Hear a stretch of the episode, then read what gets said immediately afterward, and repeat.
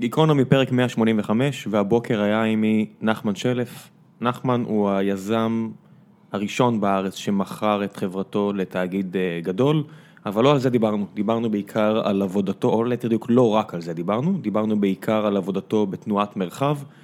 אה, רוב השיחה אה, עסקה בערים, תכנון ערים, מה הדרך הנכונה יותר לתכנן ערים, איפה בכלל, על מה בכלל צריך לחשוב, מהן הבעיות.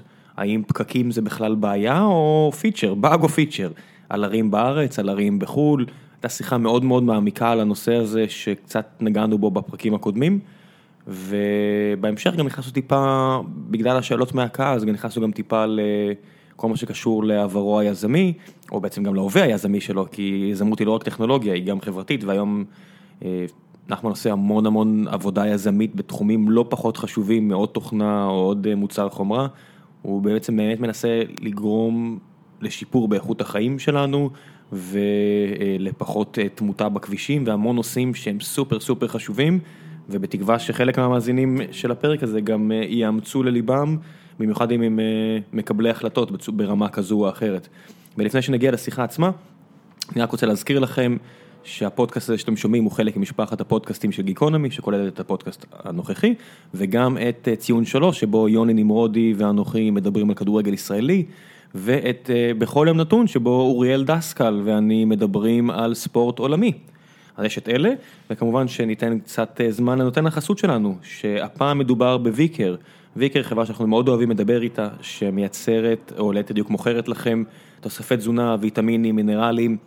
אה, בהרבה מצבים לוקחים את הדברים האלה כשלא צריך, אבל יש גם סיטואציות שכן צריך, אם זה נשים בהיריון, ספורטאים, אה, כל מיני חוסרים כאלה ואחרים, אה, אפשר לעשות כל מיני ניסויים, אתם רואים שדברים שגורמים לכם להרגיש יותר טוב או פחות טוב, אם קראתם עליהם, ואם זה באמת המצב, אז אני מאוד ממליץ לכם לעבוד עם ויקר. אני אתן לכם לינק, תקבלו גם הנחה למאזיני הפודקאסט במידה ותשימו שם את הקוד הספציפי. ההנחה מתייחסת רק ללקוחות חדשים, צריך לציין זאת.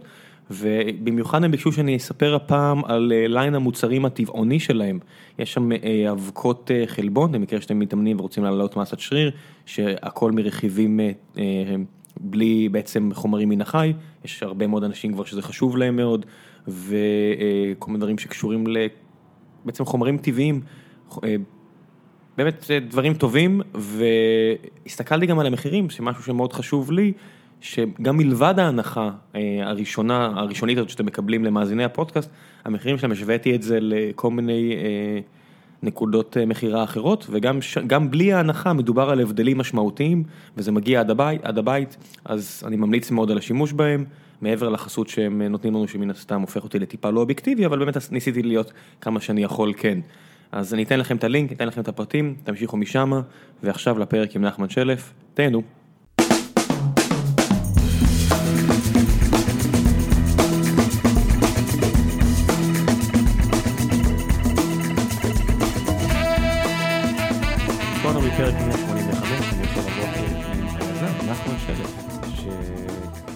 חברות והיום אה, מתעסק בבניית ערים טובות יותר. מדויק? כן, נעים מאוד. נעים מאוד. אה, בשבועות האחרונים היה פה כמה אנשים שבמקרה דיברו על ערים. אירחנו את אה, ניצן הורוביץ, שהסגן ראש העירייה, וזה משהו שמעסיק אותו לא מעט. והיו פה כמה אנשים בעלי דעות ימין כלכליות, אז מבחינתם זה מאוד הגיוני לעבוד על ערים, כי ערים זה הדרך הכי... יעילה ליישב כן, בני אדם, כן. והנה אתה מגיע, אז אולי אה, אצלך זה יהיה טיפה יותר אה, מבוסס מחקר ופחות אה, תחושות בטן או דברים כאלה, לא שהחבר'ה האלה לא עושים את המחקר שלהם, אבל יש לי הרגשה שאתה יכול להביא insights טיפה יותר, נגיד data driven, אם אני יכול לקשקש עוד מילים באנגלית לתוך המשפט הראשון הזה. כן, פתחנו את ה-Buzzword bingo. כן, וגם כן. שאלתי אותך לפני כן מאיפה מגיע טיפה המבטא האמריקאי שלך, אמרת שהיית בארצות הברית מספר שנים ברציפות. כן, אה, בזמן שגדלתי אה, שש שנים, ואחרי זה עוד שלוש שנים, ומאז 1989 מבלה שליש או חצי מהזמן הלוך ושוב בין כאן ל... לוואלי, כן. אה, לא, לא, ש, לא שזה תירוץ, אה? אני לא. הייתי הרבה ליד אה, יוסי ורדי, שהיה אחד המשקיעים שלנו, ועשיתי כל מיני דברים אחרים. המבטא שלו אף פעם לא היה כזה. כן. אני עברתי, אמ, עברתי לארצות הברית בגיל אה, שמונה, וחזרתי לתיכון. וכשחזרתי לתיכון, אה, לא ידעתי כבר עברית. הייתי צריך ללמוד מחדש. זה היה שוק די רציני לחזור לתיכון בישראל בלי לדעת מילה עברית. אז אה, את המעט עברית למדתי, אבל את המבטא לא הצלחתי לשקם. איך זה השפיע עליך? בהמשך החיים אתה מרגיש החוויה הזו? אה, החוויה הזו הצטרפה גם לזה שעד שנסעתי לארצות הברית בגיל שמונה, גם הייתי איזה שנתיים בפריז, אה, זאת אומרת, הלוך ושוב בכל מיני מקומות בעולם. אה, דבר שאני חושב שהשפיע עליי, in hindsight, כן, השפיע עליי מאוד. כשאתה עובר ממקום למקום, מתרבות לתרבות, אתה מתחיל להבחין באיזה דברים הם באמת אמ, דברים שהם קבועים בין תרבויות, ואיזה דברים הם, אנשים חושבים שהם ממש אמיתיים כמו חוקי פיזיקה, אבל הם קשורים לתרבות המקומית. מה למשל? אה, מה למשל? זה הכי קל עם ישראלים, אתה יודע, יש לנו, תמיד אנחנו אומרים, או, זה כל כך ישראלי. כן, אז... אתה מגלה שהרבה דברים זה גם בין... זה נכון, נכון. אז חלק ממה שלומדים זה זה ש... כן, כמעט בכל תרבות אנחנו מרגישים מיוחדים. וזה נכון שאנחנו מיוחדים, כמו שכל שאר האנשים חושבים שהם מיוחדים, כל שאר התרבויות חושבים שהם מיוחדים, ויש הרבה יותר משותף ממה ש... אנשים מוכנים אה, להודות. כן, אתה חושב שזה חלק מהעניין, פשוט הרצון להיות אינדיבידואל, אבל ברמת הכלל? אה, כן, כן, אני, אה, אני חושב שמשתמשים גם, מה שיותר מעניין אותי, משתמשים בנושא הזה של תרבות בתור תירוץ להרבה דברים. אולי אם נחבר את זה לנושא של, של ערים, אז אה, אנשים מטיילים, אנשים מישראל, כן, מטיילים בחוץ לארץ, רואים אה, בחופש, הולכים לכל מיני ערים שנורא נהנים להיות בהם, אבל המחשבה שלהם, טוב, בארץ זה לא יעבוד. אה, ולמה זה לא יעבוד? זה עניין תרבותי. למשל, יותר הליכה, יותר אופניים, פחות מכוניות, כן? אומרים, לא, זה עניין תרבותי. ואז אני מסביר להם שיאנג הל בקופנהגן לפני הרבה מאוד שנים, שהם התחילו את התהליך אה, אה, לשנות את העיר שלהם מלהיות תלויה במכוניות להליכתית, אז הוא חטף, הוא מספר שהוא חטף התנגדות מאוד גדולה. ואמרו לו, הדנים, הדנים זה עניין תרבותי. אנחנו לא כמו האיטלקים. האיטלקים מוכנים ללכת ברגל, אבל אנחנו הדנים נורא קשורים למכוניות שלנו, אנחנו לא נצא מהמכוניות שלנו.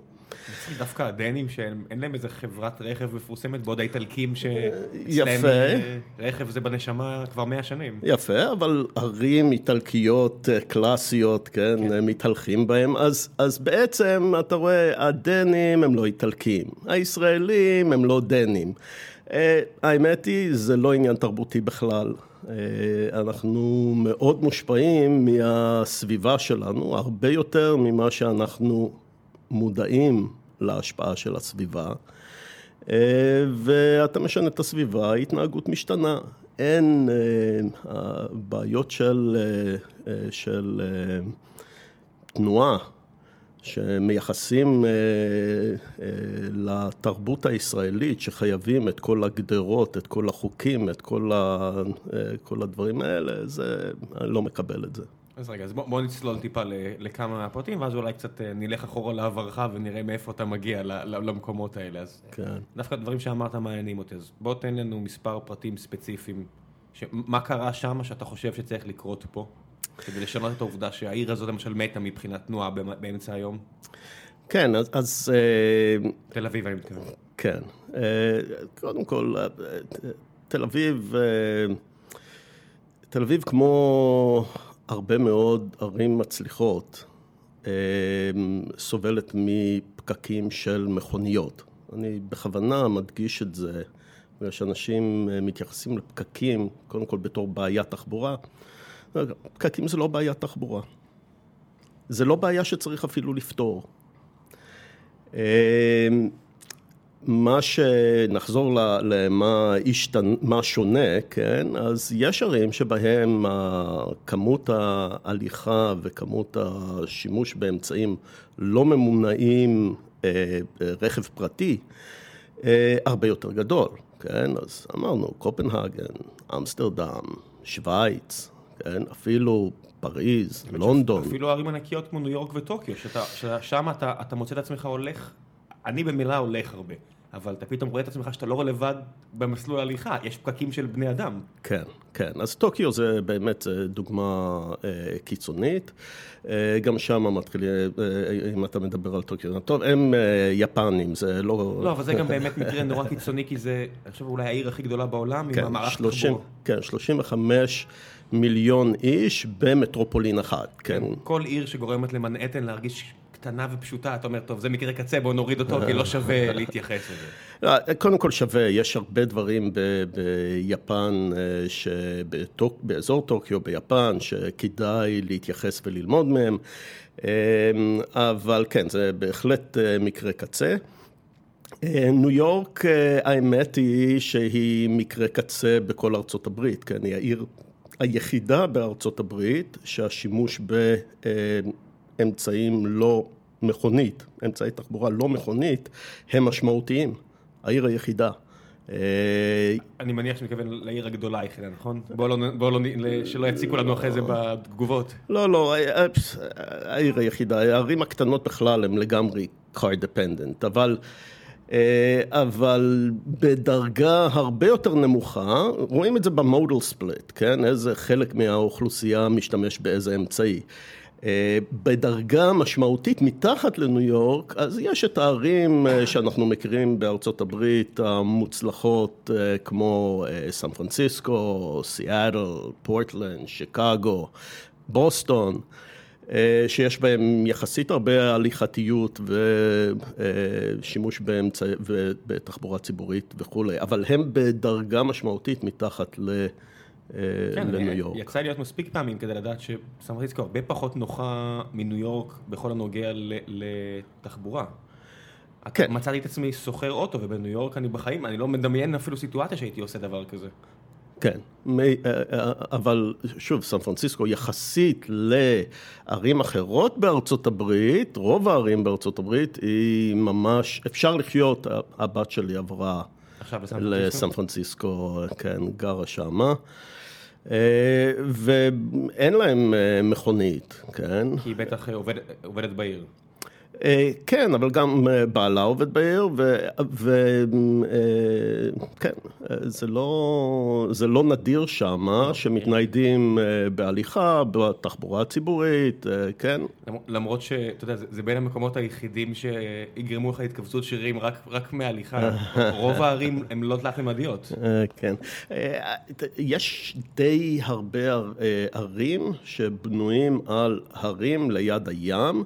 חיפה. דוגמה, חיפה זה דוגמה, חיפה זה דוגמה טובה בכלל בהשוואה לסן פרנסיסקו, אה, השוואה מנוגדת, בנויה לגמרי אחרת וסובלת מכל בעיות התכנון האפשריות אה, שקיימות, זאת אומרת תמיד יש לי כזה רשימה של עשרת השגיאות שעושים, אה, הטיפוסים שעושים, אז לכל אחד יש דוגמאות ממקומות אה, בארץ, חיפה מככבת בכל העשרה. אה, יש עיר בארץ ש... לא מככבת? אני, אני, לא, אני... דוגמאות? יש דוג... עיר שבנויה טובה, בנויה טוב בארץ? כן, יש, יש, לא מעט. לאו דווקא כל העיר, אבל כל התכנון העירוני שנעשה לפני 1936, זאת אומרת, לא על ידינו, אלא על ידי המנדט, או לפני שהמנדט, בגלל שכבר היה, כבר היה, כן. היה תכנון כבר. מה שנעשה עוד לפני אה, שהיה תכנון, גם כן יש לו את, ה, אה, את היתרונות שלו, אבל עד 1936 נעשה תכנון שאפשר לקרוא לו traditional, כן? אה, מ-36 בגלל הפרעות וכל זה לא נעשה תכנון אה, נוסף עד לקום המדינה. מקום המדינה כל התכנון הוא תכנון מודרני. עשית פה גרשיים. מודרני, כן, בגלל שהרבה פעמים משתמשים במודרני בתור אה, אה, משהו חיובי. אה, בעולם התכנון זה כבר ברור כבר הרבה שנים שתכנון ערים מודרני זה קטסטרופה שעכשיו מנסים לתקן בכל העולם. אבל זה הצורה שמתכננים כאן. אז מה תוכנן לפני? אז למשל, מרכז תל אביב תוכנן על ידי גדס, כן, סקוטי שהביאו אותו מהמנדט וכולי, מכירים, כולם מכירים את הסיפור לא, בתל אביב. תספר כמה, תספר איזה אולי 10-20 שניות אה, למי שלא אה, מכיר. מי שלא מכיר, אז זה World Heritage Site, אה, שאנשים חושבים, World Heritage זה בגלל הבאוהאוס, אבל האמת היא זה יותר, זה הבאוהאוס בתוך המרקם הזה שגדס בנה, או תכנן. באוהאוס, למי שלא מכיר, הבתים אה, בתל אביב שתל אביב מפורסמת בהם, שבעצם נוצרו כדי אה, לאפשר, האמת, זרימת אוויר יותר טובה, כי היה פה נורא חם, יש שלל סיבות שהדביקו לזה, ו... אני לא, הגרמנים, התנועה באו-האוס, הגרמנים שבאו לכאן, תכננו כאן, זאת אומרת, זה לא יודע עד כמה זה, כן, יש באו-האוס במקומות אחרים בעולם, לא רק ב- בתל. אביב, אבל הבאו-האוס בתוך המרקם הזה של מה שנקרא Garden City, שזה אה, אה, לא בדיוק מה שעשה עשה גדס, אבל... אה, לא, לא רוצה משנה, בוא נחזור, להיכנס, כן. בואו נחזור לעצם העניין. אז מרכז תל אביב, מרכז כפר סבא, מרכז ראשון, אה, מרכז אה, פתח תקווה, מרכז, לא חסר האמת שאפילו ערים. מזכרת בתיה, הקטנה, שאתה מסתכל עליה במרכז, במושבה, באזור הישן, זה בדיוק ככה, יפה. כן. אז אם, אז אם תיקח למשל את ראשון לציון, זו דוגמה טובה, בגלל שיש לך את העיר המקורית, שיש שם תכנון טרדישיונל, כן, לא מודרני, של רחובות, יש גריד רחובות עם אה, אה, מרחק בין צמתים קטן, אה, אה, גריד צפוף של רחובות. אה, לעומת זה, יש לך את אה, ראשון מערב, שזה תכנון מודרני. כבישים מתפתלים, זאת אומרת, אה, אה, כל שכונה בלון על חוט, כן? רק אה, כביש אחד, מקסימום שתיים נכנסים. כביש, אה, מהכביש הראשי, כביש משני, אחרי זה מזה מתפצלים עוד כבישים שעושים סיבובים כאלה ונגמרים בשום מקום, קולדיסקים או חוזרים בחזרה, הפרח, הזית, הזה, הזה. אמ, ו... ומרחק בין צמתים נורא גדול. אה, שכונות שהן לגמרי car dependent, אבל זה הבנייה המודרנית וזה, ככה נראים כל השיכונים מאז אה, קום המדינה. הפורמט של הבניינים בכל עשור נראה שונה. אז יש את הפורמט, הרכבות שנבנו בשנות ה-50-60, יש את הבניינים שנבנו בשנות ה-70, אפשר לראות בשנות ה-80, והיום אנחנו בונים הכל אותו דבר, שנות ה-2010. אבל ה- הרשת רחובות היא רשת רחובות מודרנית, מה שנקרא היררכית, אה, שיטת העץ. אה, שהמחשבה הייתה שזה זה טוב ל, לש, לשכונה אה, שקטה, כן? רק כניסה אחת, אז אין, לא עוברים דרכה, כן? אה, ו... אמ, וכביכול זה אמור להיות גם טוב למכוניות, אבל מה שבעצם קורה זה שכפי שאנחנו מכירים, בבוקר כולם מנסים לצאת דרך היציאה אחת או שתיים. אחרי הצהריים כולם מנסים להיכנס, יש פקקים ענקיים, אנשים לא מבינים למה. לא יודע אם אתה זוכר בנתניה דרום, שגם בנויה בדיוק כמו עוד שכונה בדיוק אותו דבר, שכולם אותו דבר. Uh, ההורים התלוננו איך זה יכול להיות ששכונה חדשה בבוקר עומדים בפקק, הם לא מבינים שככה זה תוכנן, זה בכוונה. לא- תוכנן, זה לא זה לא ופיצ'ר. במקרה, לא- בדיוק, זה, זה בדיוק.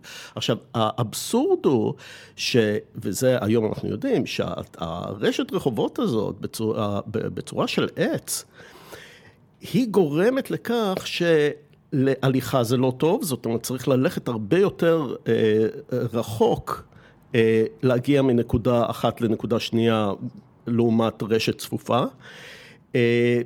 ובנוסף לזה, צריך גם לנסוע הרבה יותר. זאת אומרת, מה, ש... מה שקורה זה שבתוך השכונה הנסועה יותר גדולה מאשר אם זה היה רשת אה, צפופה של רחובות. מה שאומר, נסועה יותר גדולה, זה אומר יותר מסוכן. אז המחשבה של לעשות שכונה בטוחה יותר, שלא עוברים דרכה, גרמה לכך שבעצם הפקקים יותר גדולים בכניסה ביציאה והנסועה יותר גדולה ולכן יותר מסוכן גם כן. זאת אומרת, פתרון כן, רק השבוע גרוע. ראינו בבאר שבע אה, שתי תאונות דרכים קטלניות על משאית שחונה בכביש כזה בדיוק, אני מכיר את הכביש.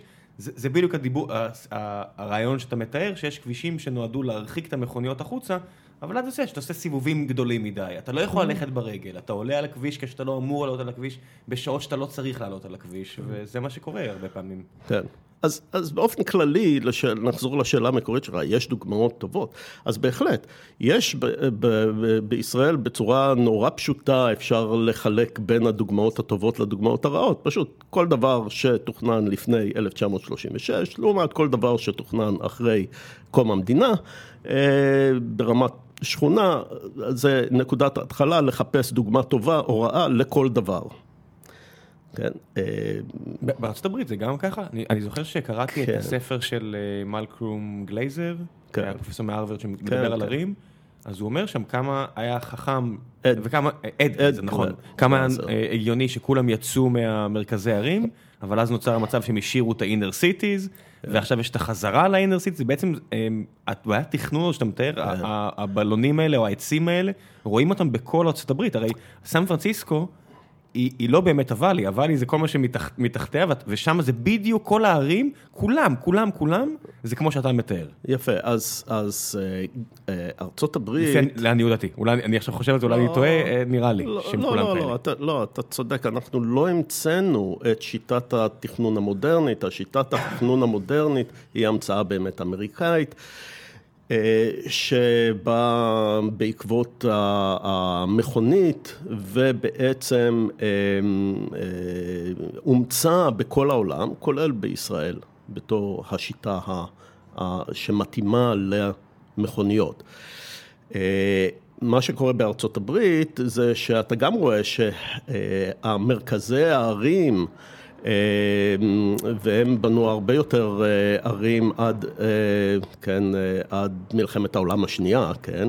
אז מרכזי הערים בנויים בגריד, ושם זה לא סתם גריד צפוף של רחובות, זה גריד אורטוגונלי צפוף, כן? זאת אומרת, הערים בארצות הברית תכננו את הרחובות בעצם מודדים, והמודדים לא עשו הרבה, זה עושים גריד, כן?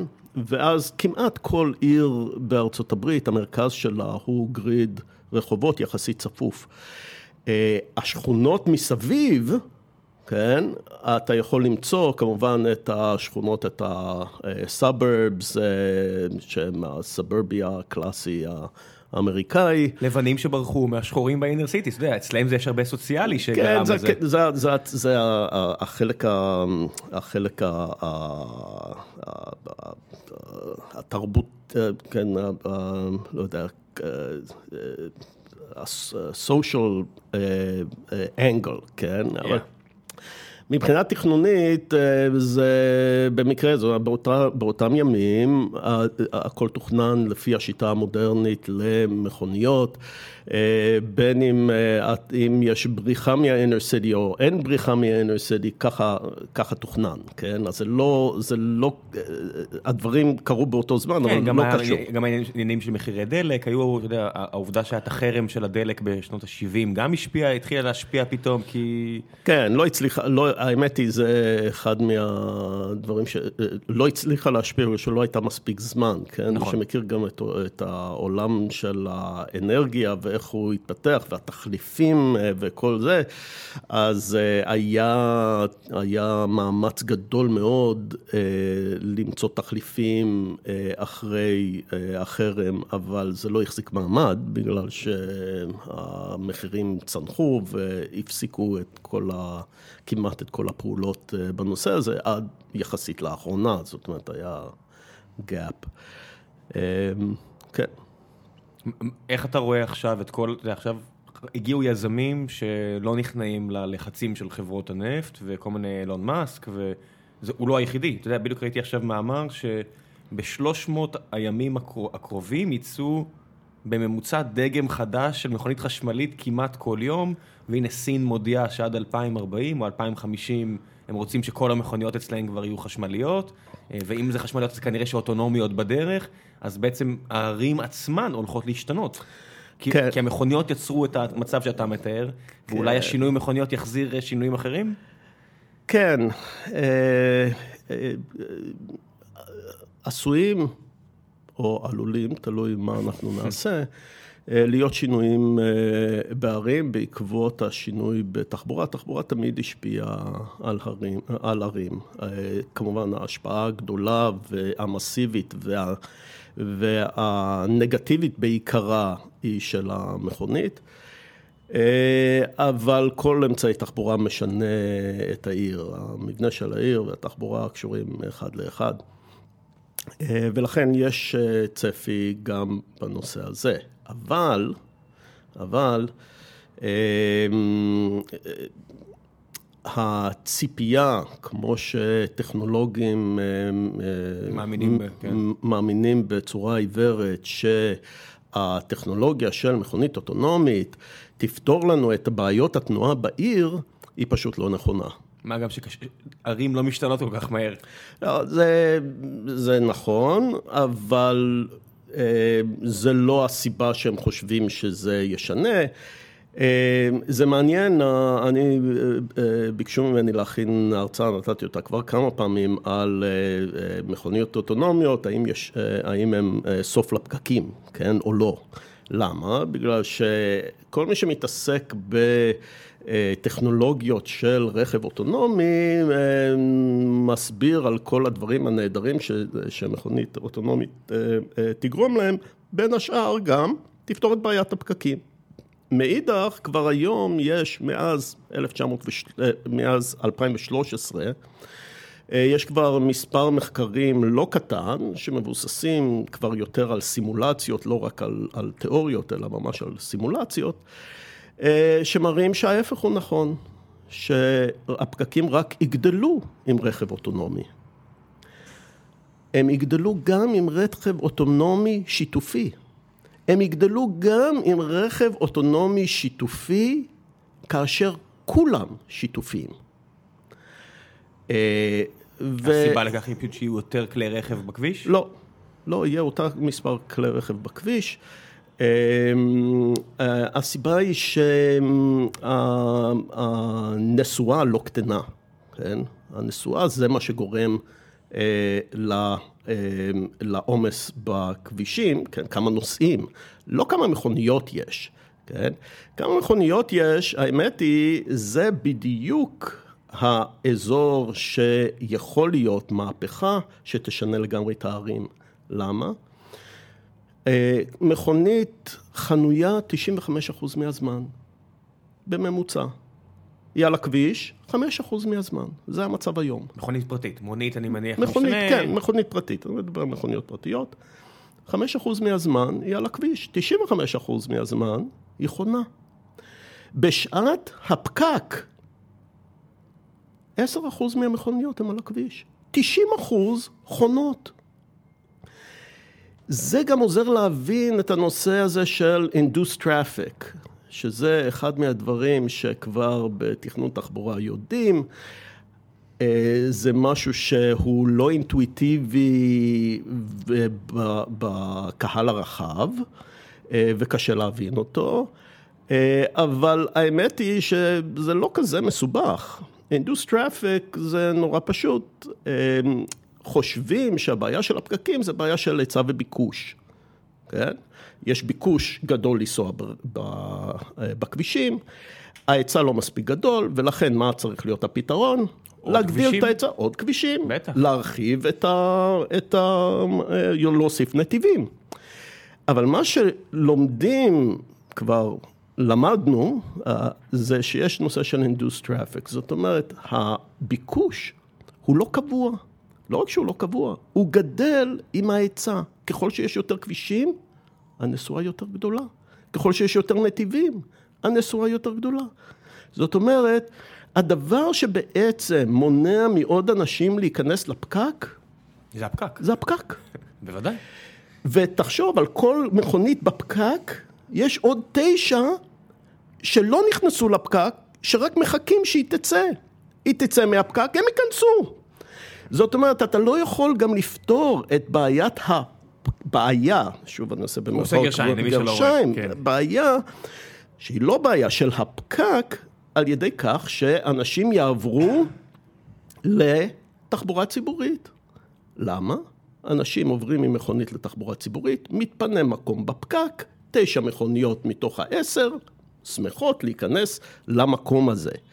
זאת אומרת, בעיר מצליחה יש פקקים. הפקק זה לא בעיה שצריך לפתור, פקק של מכוניות.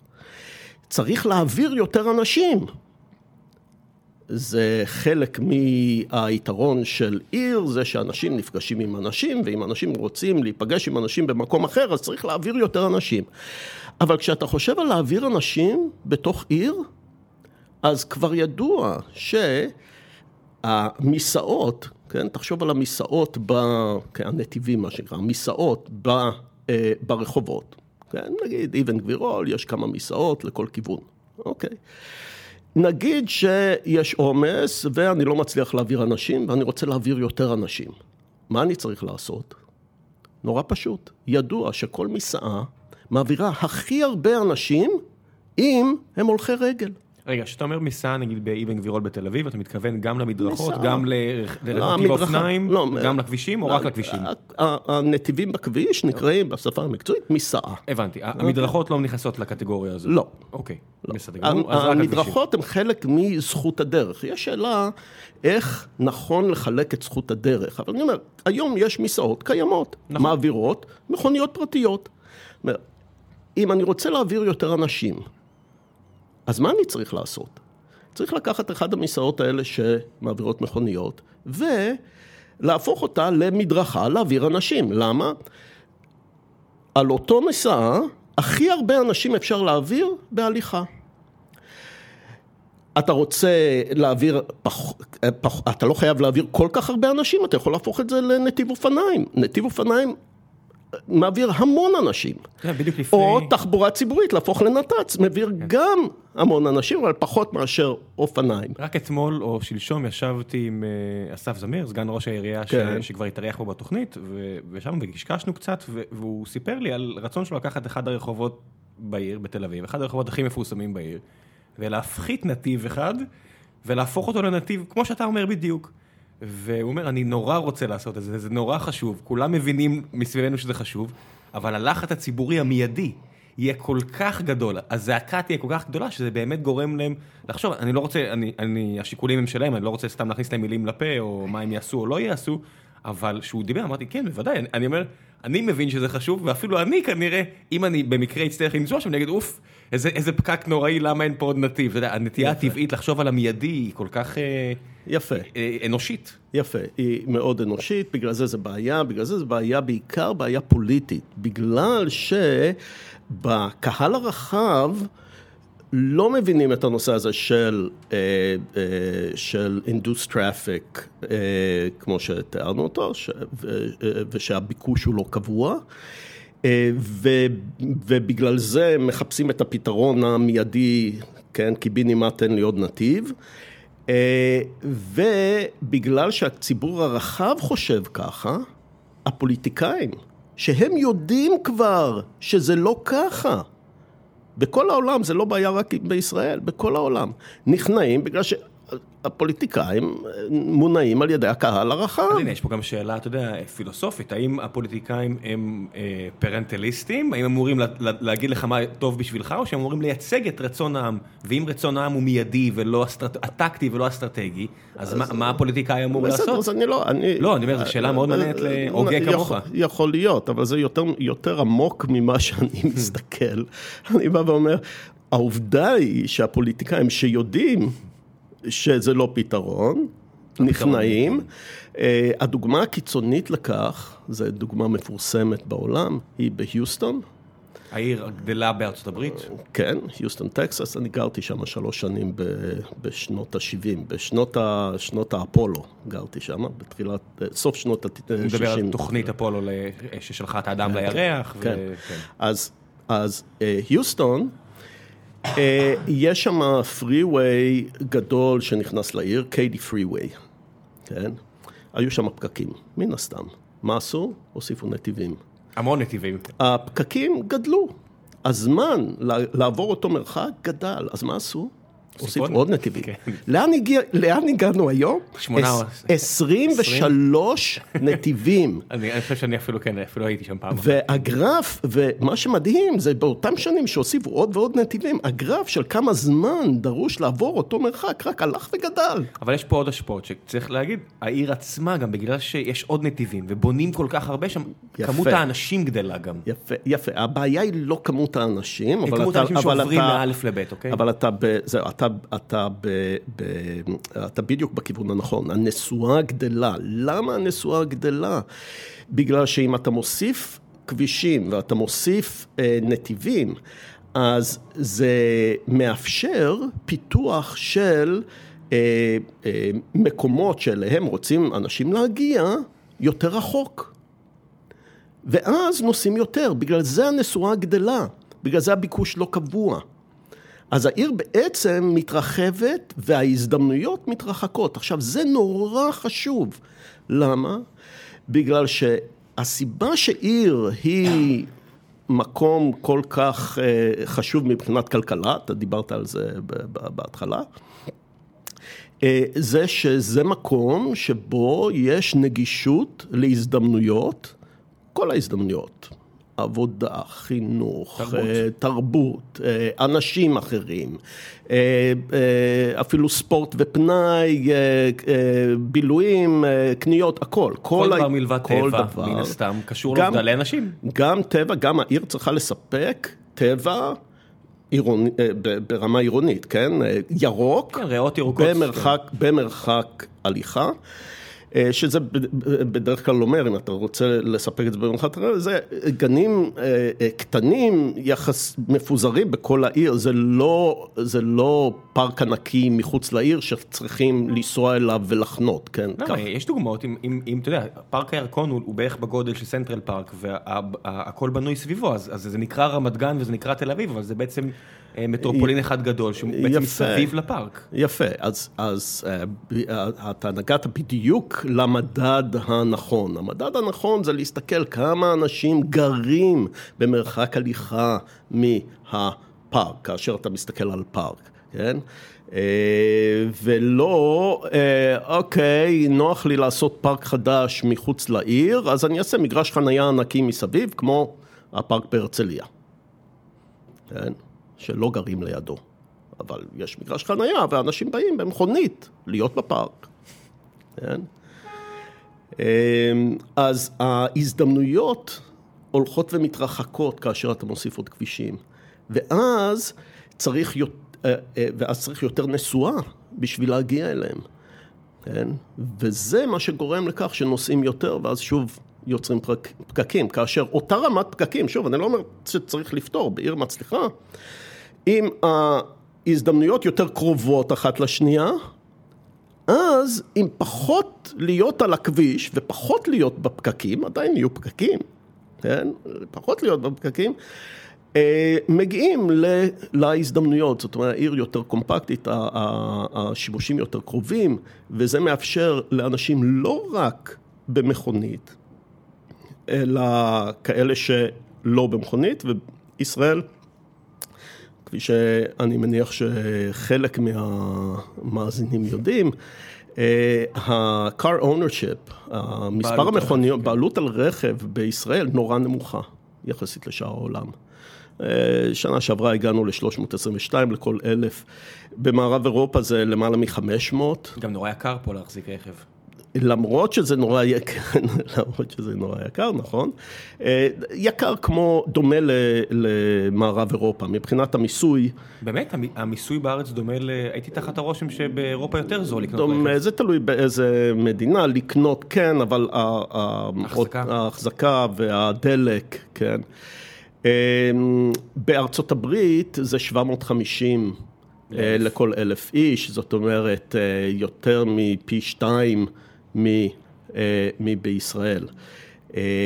אז יש יחסית מעט מאוד רכבים, ברמת משפחות יש 30 אחוז מהמשפחות בישראל שאין להם אף רכב. אבל זה לא בגלל שיש לנו בעצם מגזרים שלמים שהשונות היא לא גדולה בין המגזרים? בוודאי, זה ככה בכל, שוב, חזרנו לנושא של השוואה בין מדינות, זה לא מיוחד לישראל, זה נכון בכל מדינה שיש מגזרים שונים ושונות בין המגזרים. אז זה לא, ברגע שאתה עושה השוואה, כן, בכל זאת, יש 30 אחוז והם גם כן צריכים להגיע להזדמנויות, כן, 30 אחוז מהמשפחות. עוד 45 אחוז מהמשפחות, יש להם רכב אחד, ובדרך כלל תלויים ברכב הזה יותר מאשר בן אדם אחד במשפחה, ולכן אשתי אומרת תמיד, אוקיי, נחש מי לא מקבל את הרכב. אצלנו אין ניחוש בכלל, אני הולך המון. אוקיי. אז, וכמובן ילדים אין להם נגישות. בקיצור, יש צורך בפתרונות שלא קשורים לרכב, והאמת היא שאם מסתכלים על הצדק בנושא תחבורה, שזה משהו שיש ספר מעולה, אני ממליץ לכולם לקרוא, של קרל מרטנס, שהוא פרופסור היום בטכניון, פרופסור גם בהולנד, כתב על Transport Justice. ככה זה נקרא צדק תחבורתי? זה באנגלית, Transport Justice. וזה ספר בעצם פילוסופיה, אבל מדבר על הנושא הזה של מה יכול להיות צדק בנושא של תחבורה. ו... ושם כמובן חלק מהדיון זה על האוכלוסיות השונות ומי בעצם יש לו את הנגישות להזדמנויות, שזה בעלי הרכב יש להם, כל התלונות שלהם שהם יושבים בפקקים, יש להם נגישות מצוינת להזדמנויות. הם עדיין נוסעים לעבודה. לעומת אוכלוסיות אחרות שיש להם נגישות הרבה הרבה פחות טובה. וחלק מהעבודה שאני עושה היום, אני עושה פרויקט כזה של מערכת לניתוח התחבורה בישראל, שמראה באמצעים השונים מה רמת הנגישות להזדמנויות. ואז רואים את ההבדל באמת בין האמצעים השונים ובין האוכלוסיות שמשתמשות באמצעים השונים להגיע להזדמנויות. אם היום ראש הממשלה לא מתעסק בכל הדברים שכרגע הוא מתעסק עימם וישראל כץ אומר לו בוא נשב, ניתן חודש, נשב עם נחמן ונשב עם החבר'ה מסביבו ובאמת נבין את הבעיה וניקח call to actions מתום החודש הזה, מה היית אומר להם? מה היית חושב שבאמת אפשר לעשות כדי לשפר את הצדק התחבורתי, כדי להקל על... זה לא בעיה, אבל מה אפשר לעשות כדי אה, לשפר את המצב? אני לא חושב ש... כמו שאתה אומר, זה לא בעיה, אבל מה אפשר לעשות כדי לשפר את המצב? אוקיי, אוקיי, יפה. אז אה, צריכים להתחיל בנושא הזה, אה, צריכים להתחיל אה, בשאלה של מה המצב, אם רוצים לשפר את המצב, מה המצב? זאת אומרת, רמת, ה, רמת התחבורה בישראל, כן, אני הייתי יושב ראש של מושב בנושא של תחבורה באחד הכנסים לפני חודשיים שלוש, יושב ראש מושב, היו שם נציגים של משרד התחבורה, של המתכננים, של הגופים האזרחיים בפאנל, כן, ואני שאלתי אותם שאלה נורא פשוטה, כן, היום המצב התחבורה בישראל יותר טוב או פחות טוב מאשר לפני שנה. שאלה כביכול פשוטה. והוספתי, אחרי שאתה עונה, גם תגיד, לפי איזה מדד אתה יודע שהמצב יותר טוב או פחות טוב? אז היה מעניין, הנציגים של משרד התחבורה באו ואמרו, כן, המצב יותר טוב היום מאשר לפני שנה. איך אנחנו יודעים? בשנה הזאת עשינו את זה, עשינו את זה, עשינו את זה, עשינו את זה. כל הדברים האלה לא היו קיימים לפני שנה, ולכן המצב יותר טוב. דאטה דריבן, בבקשה. כמובן, ואתה הבנת גם את המדד שלהם, המדד שלהם זה מה עושים, ולפי זה ככל שעושים, אז המדד שלהם זה מה הסיכויים שלהם להיבחר לקדנציה הבאה, זה המדד שלהם. יכול להיות, טוב, זה פוליטיקאים, זה נכון, העבודה שלהם. זה המדד, אבל שם היו אנשי מקצוע, אבל בכל מקרה, כל האנשים האחרים, המתכננים, הנציגים של, של ארגוני תחבורה אזרחיים, אמרו, לא, המצב פחות טוב. וכשאתה שואל אותם מה המדד, אז הרבה פעמים, אחרי שחושבים על זה, אז מגיעים אחד לאחד משני תשובות. אחד, כאלה שפחות חשבו על הנושא, אז הם באים, הפקקים. הפקקים יותר גדולים ולכן המצב יותר חמור. שוב, צריך לשים לב, השאלה הייתה על מערך התחבורה בכלל, שהוא אמור לספק נגישות להזדמנויות לכל האוכלוסייה. לבוא לדבר על פקקים על מכוניות בתור המדד העיקרי, הוא בכלל, זה לא, זה לא המדד. כי זה רק למי שיש רכב, נמצא בפקק. א', זה רק למי שיש רכב, ב', זה שהוא בפקק זה לא אומר שאין לו נגישות להזדמנויות. כן, יכול להיות שהוא באוטובוס בפקק, אבל זה לא הנקודה כנראה. לא, לא, הנקודה היא, הנקודה היא מה התפקיד של התחבורה, כן? אחרים, וזה מעניין, משתמשים במודל ספליט, כן, בשימוש באמצעים השונים, בתור מדד לעד כמה המערכת תחבורה היא טובה. זאת אומרת, מבחינתם, למרות שזה לא התפקיד של מערכת תחבורה להעביר אנשים ממכוניות לאמצעים אחרים, מבחינתם זה פרוקסי טוב. זאת אומרת, ככל שיש יותר אנשים שמתנאים לא על ידי רכב פרטי. רכב פרטי, אז מצב התחבורה בעיר יותר טוב. עכשיו, יש בהחלט סיבות להשתמש בזה בתור מדד, למרות שזה מדד לא, לא ישיר. אנחנו מכירים את הערים שבהם יש יחסית הרבה שימוש באמצעים אחרים ולא מכונית. באמת בתור ערים שהנגישות להזדמנויות היא יותר צודקת, יותר רחבה ליותר אנשים ודוגמאות לזה זה למשל אמסטרדם, קופנהגן, כן, לונדון, פריז, לונדון לאחרונה היה איזה בלרפ בחדשות על זה שבמקום מסוים נכנסים יותר, אני חושב לסיטי, כן, נכנסים יותר אנשים באופניים מאשר בכל אמצעי אחר, כן, יש שם... אבל שוב, הנושא של... המרכז הפיננסי של לונדון, כן. ותמיד היה נהוג להגיע בטיוב, ברכבת התחתית או באוטו. כן, כן, אז, אז, אז מעניין, אז המודל ספליט הוא פרוקסי טוב, אבל באמת, אם רוצים למדוד באמת, אז צריך למדוד את הנגישות להזדמנויות לכל האוכלוסיות. וברגע שאתה מתחיל לחשוב ככה, אז אתה אומר, אוקיי, האם יש איזשהו רף שבתור חברה, אנחנו צריכים לספק תחבורה, כמו שאנחנו מספקים חינוך, כמו שאנחנו מספקים בריאות, לכולם. האם יש איזשהו רף שצריך לספק לכולם נגישות להזדמנויות? יש מישהו שטוען שלא? אני חושב שאפילו ימין כלכלי אומרים שזה... כן, אבל אף אחד לא מדבר על מהו הרף הזה. זה משהו אחר. ואיך מגיעים למצב שבאמת מספקים אותו, ואיזה פרויקטים צריכים לעשות בשביל איזה אוכלוסיות, על מנת להרים אותם מעל הרף הזה, כן? ברגע שאתה חושב ככה, אז ברור לך שכל אלה שברכב ומקטרים בפקקים, הם לא משהו שצריך לפתור, בגלל שהם כבר מבחינת נגישות להזדמנויות, הרבה מעל הרף שלא הגדרנו אותו. כן, כל מי שיש לו רכב הוא כבר מעל הרף. וההשקעה צריכה להיות דווקא, והמחשבה צריכה להיות על אלה שהם לא מעל הרף.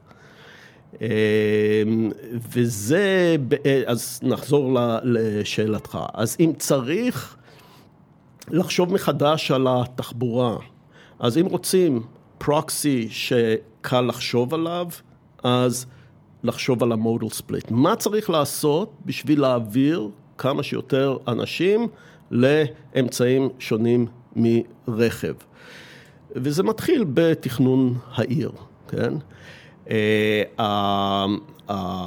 אבל אם רוצים להיות יותר מדויקים, זה באמת להגדיר את אותו רף, להתחיל למדוד את הנגישות לאמצ... אה, להזדמנויות לאוכלוסיות שונות, ולעשות את הפרויקטים שבאמת ישנו את, אה, את אחוז האוכלוסייה שבאמת יש לה מספיק אה, נגישות להזדמנויות. אבל אתה יודע, אתה יכול גם לחשוב על הבעיה בצורה יותר הוליסטית ולחשוב אה, מה אני יכול לעשות כדי אולי לקרב את היעד לאדם. יפה, אז ברגע שמתחילים לחשוב על תחבורה בתור נגישות להזדמנויות, אז מיד עולה מה שאתה אומר. אם, זה, אם המטרה של תחבורה זה נגישות להזדמנויות, אז אני יכול לעשות כביש להזדמנות רחוקה, או אני יכול לקרב את ההזדמנויות. ולכן תכנון עירוני, land use, איפה השימושים השונים בקרקע, הוא הצד השני של המטבע של תחבורה, זה בעצם אותה בעיה. כן? שניהם קשורים לנגישות להזדמנויות. וצריך לפתור, כמו שאתה אומר, בצורה הוליסטית, כאשר מדברים על תחבורה, לדבר גם על אה, תכנון עיר. כאשר מדברים, אני אתן לך דוגמה מצוינת לנושא הזה, הנושא של, אה, של אה, אה, affordable housing. אה, בתים ברי השגה, דיור בר השגה. דיור בר השגה. בארץ אין בעיה של דיור בר השגה, בכלל. הוא פשוט נורא רחוק מהזדמנויות. הוא לא, הוא לא במקומות שאנשים רוצים לגור בהם, אוקיי? או פחות אבל... רוצים לגור, כן. פחות. בוא לא נעליב, אוקיי. כן. כן, בהחלט, יש אנשים, יש, יש אה, אה, אנשים שרוצים וגרים. עובדתית, הביקוש ו... למקומות האלה נמוך יותר, בגלל, בגלל זה המחיר שם נמוך יותר, יפה. זה עובדה. יפה, כן. אוקיי. אה, ב, בצורה ההוליסטית יותר התחילו, וזו עבודה שנעשתה ב-CNT בשיקגו, ב-Center for Neighborhood Technology, שנקרא Housing and transportation, plus transportation, סליחה. affordable housing plus. כן, כן, affordability index, עשו אינדקס לכל ארצות הברית, לכל מקום, אתה יכול לראות מה, מה בר השגה מבחינת דיור פלוס תחבורה. למה? בגלל שהמשוואה היא נורא פשוטה. ככל שהמקום יותר רחוק מהזדמנויות, המחיר יורד. ולכן לדבר על דיור בר השגה בלי להוסיף את המרכיב של תחבורה, זה בעצם לא לדבר על כלום. ככל... זה אולי להעמיק את הבעיה. מה זה לא לדבר על כלום? זה, זה אולי אתה יוצר כן, בעיות... כן, אבל אני, אני אה, מדבר על כל, כל הדיונים שיש, על דיור בר השגה, דיור בר השגה וזה, ולא לא אומרים שום דבר על התחבורה. זאת או אומרת... על הזדמנויות. בוא, בוא נוסיף עוד אחד למיקס פה, שאתה אומר תחבורה ודיור, ואיפה אני שם את המשרדים, איפה אני שם את מקומות התרבות, איפה אני, איפה אני שם את, את כל הדברים האלו. יודע, אנחנו חושבים על מגרשי ספורט בתור סתם, לא יודע מה, בכל העולם, בתור סתם מקום לבקר מהם, אבל לא, זה גם יוצר מקומות עבודה. זה, זה הרבה דברים שאתה מרחיק את זה מהעיר, או שם את זה בטיזן שלוח, זה, זה משפיע על הכל הרי. כן. כל, כל מקום כן, שיוצר כן. הזדמנות, יוצר כן, מקומות כן. עבודה ויוצר אה, נכון, רצון להגיע אליו. וכשחושבים בצורה הזאת, אז זה ברור שבעיר, כל דבר, כל הזדמנות שאני חושב עליה, איפה כדאי, איפה היא תיתן הכי הרבה נגישות להכי הרבה אנשים, זה אם היא במרכז.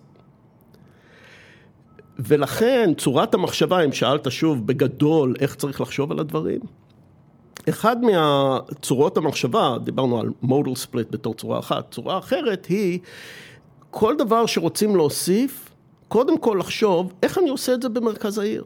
אז למשל, דיברתי קודם על חיפה עם השגיאות. בחיפה, במרכז העיר, היה אוניברסיטה, הטכניון. מה נעשה? הוציאו אותו החוצה. רחוק רחוק מהמרכז. טעות נוראית. אנחנו מכירים ערים שבהם יש אוניברסיטאות במרכז העיר. NYU, אה, לא חסר, באר שיקגו. ניו יורק, בטורונטו, בטורין, באיטליה, בכל, בלונדון, לא, נכון, הרבה. כל מקום. בפריז, כן, בטח. בפריז. פריז, הרי האוניברסיטה מחולקת בכל רבע, בכל רבעון, כן. בכל רבע יש פחות או כן, יותר אה, כן. מוסד אחד, כן. אה, בבוסטון, כן. אה, אז, אז זה דוגמה אחת. אה, ולא, כמו שעושים את זה בישראל, במתחם מגודר, ב- בפאתי העיר זה עוד מצב טוב. הרבה פעמים באיזשהו מקום, באיזה אזור, עם מין מחשבה, יש מחשבה יהירה ישראלית. מה המחשבה יהירה ישראלית? בישראל לא הצלחנו, חוץ מאשר אה, מטרופולין אה, אה, דן, ליצור אה, אה, ערים אה, אה, משגשגות מבחינה כלכלית. אה, אבל אנחנו הולכים ליצור פיתוח כלכלי באזור שלם על ידי כך שבאמצע, ב-nowhere, בתוך האזור, נשים מכללה. אוקיי, זה יהירות. בתוך האזור הזה יש ערים קטנות שהן מנסות אה, להתפתח. למה לא שזה יהיה באמצע העיר? למה שזה יהיה באמצע nowhere? אבל אני שוב, חושב זה על מכללת חוסר... ספיר ועל כל מיני מקומות כאלה ש... אה, דוגמאות, לא, יש הרבה מאוד. אני- נכון, אה, אה, המון. העמק, רופין, כן, כן, אה, הרבה מקומות שאתה מגיע אליהם, אתה אומר, אוקיי, אין פה כלום מסביב. תל חי, כן. כן, מאוד ירוק ומאוד יפה, אבל אין פה כלום מסביב, ונסעתי עכשיו 40 דקות כדי לדבר. אם תל חי הייתה באמצע קריית שמונה, מה היה קורה? כן? אה, אז, אז אה, זה, זה הדוגמאות, מה שאתה העלית כאן בנושא הנגישות, זה באמת, אם רוצים לחשוב בצורה, אה, יותר בסיסמאות, כן, בסוף צריך לתכנן וכל זה, ויש שיקולים, אבל, אבל הנגישות הטובה ביותר להזדמנות, זה קודם כל, האם אפשר לשים אותה במרכז העיר? אם לא, איך אני יכול לשים אותה בצורה כזאת שיהיה נגישות ל... אה, אל המקום הזה הכי טובה, כן? אה, אפילו אם לא במרכז. בואו ניקח אה, בעיה בישראל בתחום הזה, בתי ספר תיכון. בגלל התקנות של משרד החינוך, לבית ספר תיכון דרוש שטח עצום. הנה, אנחנו פה, אם תסתכל שמאלה, יש פה בית ספר תיכון, אני אף פעם לא זוכר איך קוראים. שהיה קיים, כן. לא, הוא עדיין פה. כן, לא, משם, כן. אבל הוא כבר קיים הרבה זמן. נכון. יכול להיות שהוא קיים אפילו לפני התקנון של Mm. משרד החינוך. אם אתה רוצה לבנות בית ספר תיכון חדש, התקנות של משרד החינוך דורשים שטח עצום, אני כבר לא יודע בדיוק, לא, לא זוכר את המספרים, שטח עצום, כביכול לר- לרווחת לרווחת התלמידים. התלמידים. בטח. בעצם, אה, קודם כל, זה, אה, השטח זה לא על חשבון משרד החינוך, זה על חשבוננו, כן? זה מנהל מקרקעי ישראל. שנית, אה, לא רוצים יותר מקומה, בגלל שאז, או משתי קומות, בגלל שאז צריך מעלית ועניינים, לא רוצים. מוריד את העלויות של, ה, של הבנייה. אבל מה יוצא מזה שדורשים שטח כל כך גדול? שכבר אי אפשר לשים את זה במרכז העיר, לא יכול כי להיות. הנדל"ן יקר מדי. אפילו, לא, אפילו אין, אין, אין חתיכת אדמה במרכז העיר בגודל הזה. אז בוא, בוא נגיד תמיד, אתה, אתה עכשיו אתה נמצא מאחור, מאחורינו אתר בנייה, אז גם אם יש חלקת אדמה כזו, משיקולים תועלתניים היא לא תלך לתיכון. ואז, מה עושים עם זה? זה לא, במ... זה לא רק שזה לא במרכז העיר, זה לא במרכז השכונה. זה בקצה של השכונה. ואז להגיע לשם, אוטו. אוטו. אוטובוס במקרה הטוב, אוטו במקרה הרע. אם זה בית ספר אה, יסודי, אז, אה, אז אה, צריכים להסיע את הילדים ולהתלונן להתלונן על הפקקים, אם זה בית ספר הורדות, תיכון. כן. עכשיו בכלל, בגלל שצריך שטח כל כך גדול, אז מתחילים לעשות מתחם חינוך שכולל גם את זה וגם את זה וגם את זה, זה מפלצת ענקית. אנחנו רואים את זה גם בקניות. אתה יודע, העניין הזה של קניונים. ומרכזי ביג האלה בכל הארץ, יפה. ש- שהתנועה שם, אתה יודע, אם אתה... במערכת חשמל יש מה שנקרא תורת התורים ותורת הגרפים. בתורת התורים, כשאתה מסתכל על, על תחבורה, בתורת התורים, אתה אומר, כן, ברור שיהיה לכם עומס וגודש. כי אין מצב שיש זרימה טובה במצב הזה. לא צריך להיות מתמטיקאי של תואר ראשון בשביל להבין שזה לא הולך לעבוד לכם. יפה. בניגוד לתל אביב, שאם תשים את זה, את ה- את הקומות מסחר, מתחת לבתים, אז גם יותר נחמד ללכת, אבל גם הרבה יותר הכל זמין ולא... אוקיי, אז אתה נוגע לנושא של מיקסט יוס, שזה גם, זה אחד העקרונות. אה, במרחב, אה, אני, אה, אני מתנדב במרחב, התנועה לעירוניות בישראל, כן. מקדמת נושא של עירוניות. אז במרחב יש עשר... מרחב זה שם התנועה, מרחב, כן, כן, התנועה שלא- לעירוניות בישראל, כן. מי שלא מכיר. אז יש עשר עקרונות שעל מנת לבנות עיר טובה, כן? ואחד מהחשובים זה mixed use, כן? שימושים מעורבים. מה שאתה מדבר עליו הוא הבעיה של שימושים מעורבים. שימושים מעורבים אה, טובים להרבה מאוד דברים, אבל אני רוצה לגעת למשהו שאנשים פחות מכירים.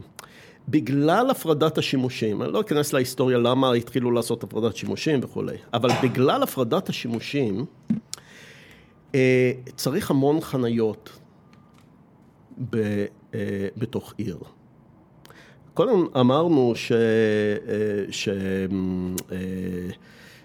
אה, מכונית חנויה 95% מהזמן, אז צריך המון חניות בגלל שרוב הזמן המכוניות לא עושות כלום חוץ מאשר יושבות בחנייה. נכון. אבל בנוסף לזה יש הכפלה. מה הכפלה? ההכפלה היא שעל כל מכונית, תלוי במבנה העיר, צריך בין 5 ל-15 מקומות חנייה. למה? בגלל הפרדת שימושים. ברגע שאתה מפריד את השימושים, אתה דיברת על קניון, ביג וכל זה, אז החניות שמה, משתמשים בהם רק כאשר עושים קניות. נכון, יש לי חניה שלי כאשר רק אתה לקניות. ישן, אתה בחניה אחרת, כאשר אתה בעבודה, אתה בחניה אחרת, כאשר... אה, את- סידורים כל- וכל דבר, סידורים, כן. בילויים, יש מתחם בילויים, חניה אחרת, בכל מקום חניה. בסוף, על כל מכונית, כן? יש לך בין 5 ל-15 מקומות חנייה. אז לא רק... אז קודם כל, ברגע שאתה מבין את זה, אז מישהו אומר לך, יש, צריך עוד חנייה, אומר, אני בטוח, בלי לבדוק, שלא משנה איפה תגיד לי, לא חסר חנייה. כן, אבל זה לא איפה שאני צריך. אוקיי, בסדר, אבל זה בגלל הפרדת השימושים, שזה לא איפה שאתה צריך. והפתרון הוא לא עוד חנייה. עוד חנייה, דרך אגב, זה בדיוק כמו עוד כבישים. עוד חנייה במרכז העיר, זה אומר שייכנסו עוד מכוניות. מה שאומר שגם ההפוך הוא נכון. אם אני רוצה להקטין את כמות המכוניות שנכנסות לעיר, להוריד חניות. אני יכול להוריד חניות. לא צריך לעשות אגרת גודש אפילו. פשוט מוריד חניות, פחות מכוניות ייכנסו. כן, אנשים יתלוננו, אבל בסופו של דבר הם לא יהיה להם אוטו. הם גם היום מתלוננים. לא, אני אבל- אומר, לא, ברף מסוים של אי נוחות, או שאתה לא גר בעיר, או שאתה לא עובד בעיר, או שאתה לא בא עם אוטו. יפה, עכשיו... יש רף שבירה לכולם. יפה, אבל יש, אה, במקומות שעושים את זה, אז כמובן מבדילים בין התושבים שגרים שם, ונותנים, מספקים להם חנייה, בגלל שעדיין לא הגענו למ- למקום, יש מעט מאוד ערים אה, קטנות, לדוגמה, שבהם אין מכוניות, אבל זה מעט מאוד, זה חריג, אבל... אה, אה, במקומות למשל כמו אמסטרדם, אז יש סידור חנייה, ש, שבה יש מעט מאוד חנייה למי שלא גר, אבל מי שגר יש לו סידור חנייה. אוקיי? אז אתה מבדיל בין כאלה שגרים, כאלה שלא.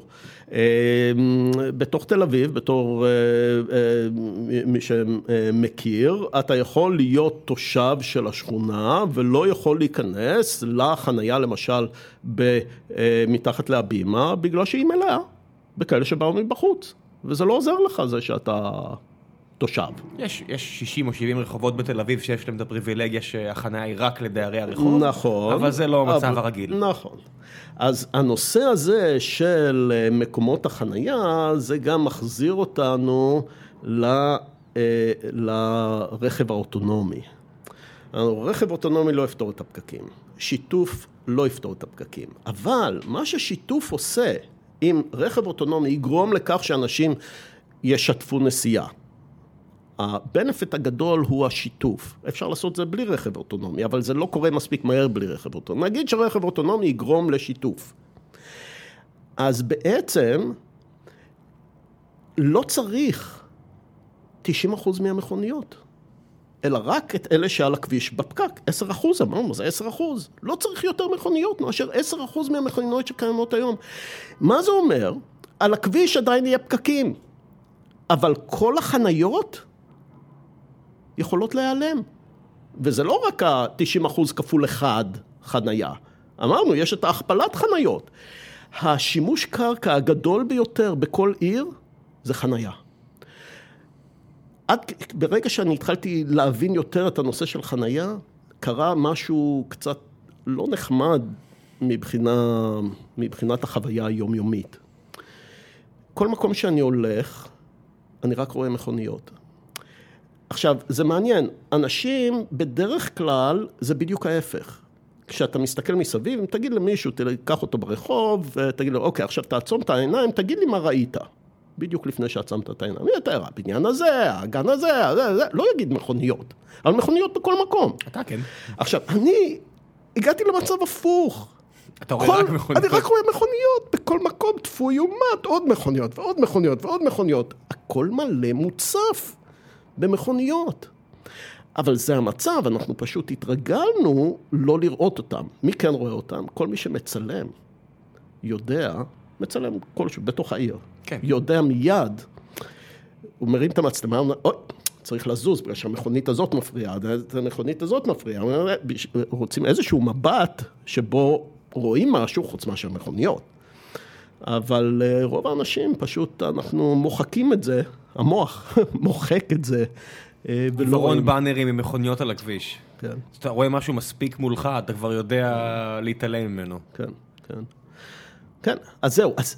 אז אז אם אני יכול להחזיר אותך... חזרה לרכב אוטונומי, אז אמרנו, רכב אוטונומי יכול לגרום לשיתוף מסיבי, יכול לגרום לכך שכל החניות האלה מתפנות, מה שאומר שאפשר לשנות את העיר בצורה מסיבית, בגלל שזה שטח ענקי מתוך העיר, כן, הוא לחניות.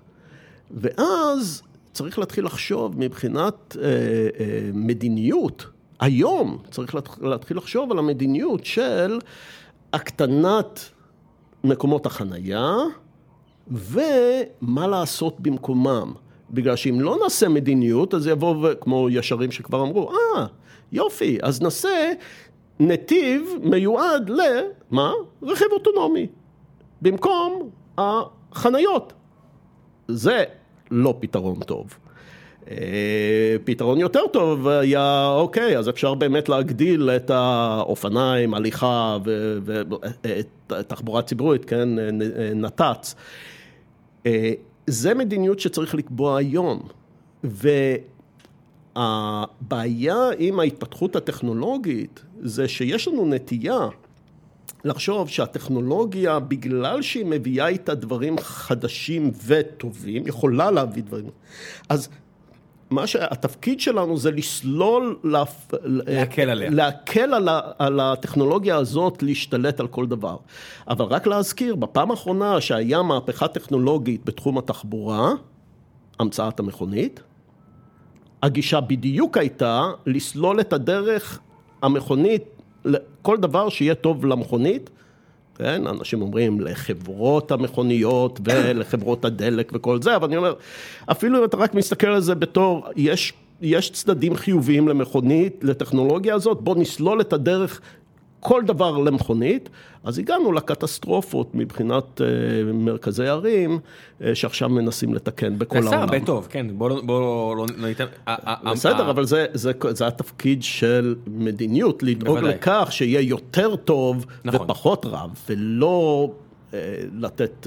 זה. אז היום... בחלק גדול מהעולם, זה בטח המאזינים מכירים, בטח אתה מכיר, מורידים freeways באמצע העיר.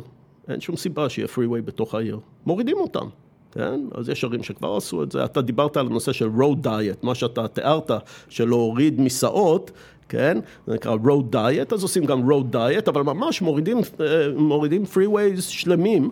מאמצע... נקווה שיש פוליטיקאים אה, כמו אסף שחושבים על דברים כאלה, שמבינים שגם אם זה לא פופולרי במיידי, יש חשיבות לעשות את הדברים הלא פופולריים ב... כן, אני, יש דרך לעשות את זה גם שזה פחות אה, מעיק מבחינה פופולרית. אז למשל, אה, בפריז, אה, מה שעשו זה בקיץ, אה, את ה-freeway שהוא לאורך הסן, כן? אז אה, סגרו אותו למכוניות, הביאו חול, הפכו את זה לחוף. נכון. למשך חודש, חודשיים, אני כבר לא זוכר כמה זמן, אוקיי? למה? בשביל שאנשים יתרגלו שזה לא עניין שאני לוקח להם את הפרי-ווי וזהו. אני לוקח, זה אומר שאני יכול לעשות עם זה משהו אחר לטובת הציבור. ו... פה חשוב מאוד באמת לעשות דברים שהם לטובת הציבור, כי הציבור, אם פעם, פעמיים, תוריד חניה ותרים עוד מגדל, זאת אומרת, תגדיל, תגדיל את הגודש, אבל לא שיפרת לי את איכות חיים לאדם אחר, הוא נהיה ציני. ואז כמו שאתה אומר, המכוניות אומרים, הנה זה לטובת הנרי פורד, הנה זה לטובת הרוקרפלרים, או לא יודע למי, כל החבר'ה של אז עם האנרגיה וה, והפסי ייצור, כי באמת היה סיבה לציניות. חלק מהדברים שאתם אומרים, זה שאין הרבה הזדמנויות לשיפור, כי אם אתה מפחית כבישים, אבל עושה משהו שרק מראה את המצב, אז אנשים באמת אומרים, אז אל, אל תיגע בי יותר. נכון. אל, אל, אל, רק מפחדים שיהיה רע יותר. נכון, אז, אז צריך לעשות את זה בצורה שהיא, אה, אה, שהיא חכמה מבחינה פוליטית, אבל צריך לעשות את זה. כן? אה, אז אה, דוגמה אולי יותר קרובה ל, לישראל, כן, איילון לא פחות אה, דומה לסן, אנשים לא חושבים על זה, אבל איילון דומה, דוגמה מפורסמת מאוד, דרום קוריאה, כן, בסיאול, במרכז העיר, היה פרי-ווי. כן, שהיה מעל, שהיה קירוי מעל לנהר קטן שעבר שם.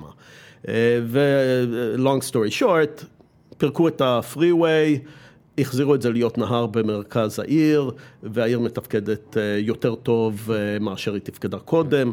אה, כמובן, באמצעים אחרים, פחות מכוניות, יותר אנשים.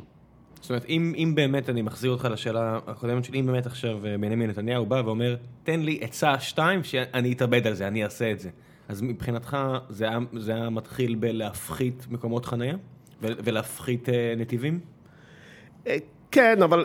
תוך כדי עשייה נכונה, אני, אני כן, בטח כפתרון הוליסטי. אני יותר זהו, אני יותר מתחבר למה שאתה העלית, שבעצם אה, אה, לדבר רק על תחבורה זה לא, נכון. לא, בוודאי שכחלק מתוכנית גדולה יותר. להסתכל על, על, על, אה, על פתרון הוליסטי של, של בינוי לפי עקרונות של, של אורבניות, כמו העקרונות של מרחב.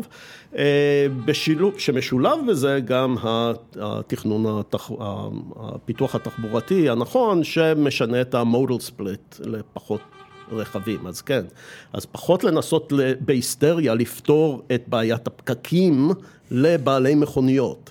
אז הבנתי, אז בוא נעבור עכשיו לשאלות מהקהל ברשותך. כן, כן. שנייה אחת. אז שאלות מהקהל מגיעות אה, מפורום החיים עצמם של גיקונומי אה, בפייסבוק, יש שם אה, כמה אלפי אנשים שהם המאזינים היותר רדוקים שלנו, שרוצים להיות מעורבים בפרקים, אנחנו מספרים להם יום או חצי יום לפני הפרק מי מגיע, ואז הם שואלים שאלות. אז אני אתחיל, אסף כהן שואל, עצה שהיית נותן לעצמך בתחילת הדרך, או עצה באופן כללי ליזם המתחיל?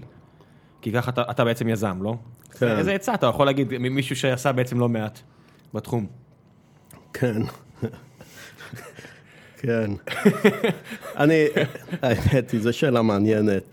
אה, האמת היא שאחד מהיתרונות הגדולים של היזם המתחיל זה הנאיביות. זה כל יזם ותיק אה, יכול לזכור את הדברים שהוא לא היה בכלל מנסה לעשות אם היה לו טיפ טוב מיזם אחר שכבר עשה את זה. זאת אומרת, בשביל להיות יזם אה, צריך אה, מידה מסוימת של נאיביות אה, בשביל לשנות דברים, וזה נכון, יזם, בין אם זה יזם טכנולוגי, יזם כלכלי, גם יזם, יזם כן. חברתי. בכל מקרה, יזם, מה שיזם מנסה לעשות זה לשנות משהו, לשנות שוק, לשנות חברה, לשנות, לשנות, לעשות שינוי. ועם השנים אתה לומד לעשות שינוי נורא נורא קשה, לא משנה באיזה תחום. ולכן דרוש נאיביות. אז לא הייתי, בתור יזם, אה, לא הייתי מתחיל, כן? לא הייתי נורא מחפש את ה-words of wisdom מהיזמים האחרים. אה, הייתי אה, כן, קופץ זה, למים, מה זה, שנקרא. זה מה שאני בדרך כלל אומר לאנשים, אין לי מה מעבר, פשוט תתחילו ותראו מה הבעיות שאתם חווים. זה, אתה יודע, זה או נאיביות או יהירות, אתה אומר, איך אף אחד עדיין לא פתר את הבעיות, אז אני אהיה זה שיבוא ויפתור אותה. כן. אז או זה, או איזשהו אה, מידה רעה שאתה רוצה להשליך על זה, זה בסדר, זה חלק מהעניין. אה, אני מסכים במאה אחוז. אה, אני כן בעד להתייעץ עם אה, יזמים אחרים, ואני שמח מאוד, אני בזמן, כשאני התחלתי, אז עזר לי מאוד מאוד אה, אד מלבסקי. עם מי באמת היה לך להתייעץ? כשאתה התחלת לא לא היה פה יותר כן, מדי. כן, לא היה, כן, אז אתה ודאי מכיר, אני הייתי האקזיט הראשון, כן, אז פה בישראל. אתם מכרתם את החברה עוד שלוש, נייס ארבע, קום. חמש שנים לפני ICQ בכלל. כן, כן. שהיא עוד... 90 94 מכרנו את החברה ל multinational, זה היה, זה באמת היה משהו חריג, אה, וכשהתחלנו את החברה אז גם כן זה עדיין לא היה את אה, תעשיית ההייט, את אה, תעשיית ה-VC פה בארץ. ה-venture capital, כן, הון יזמות, כן. כן, אז, אז. אז הדברים היו מאוד שונים. אה, מי שעזר לי מאוד בתחילת הדרך זה אד מלבסקי. אד מלבסקי אז היה בראש ה-Bird Foundation, ה-Bi-National, אה, אה, קרן דו-לאומית, ישראל ארצות הברית.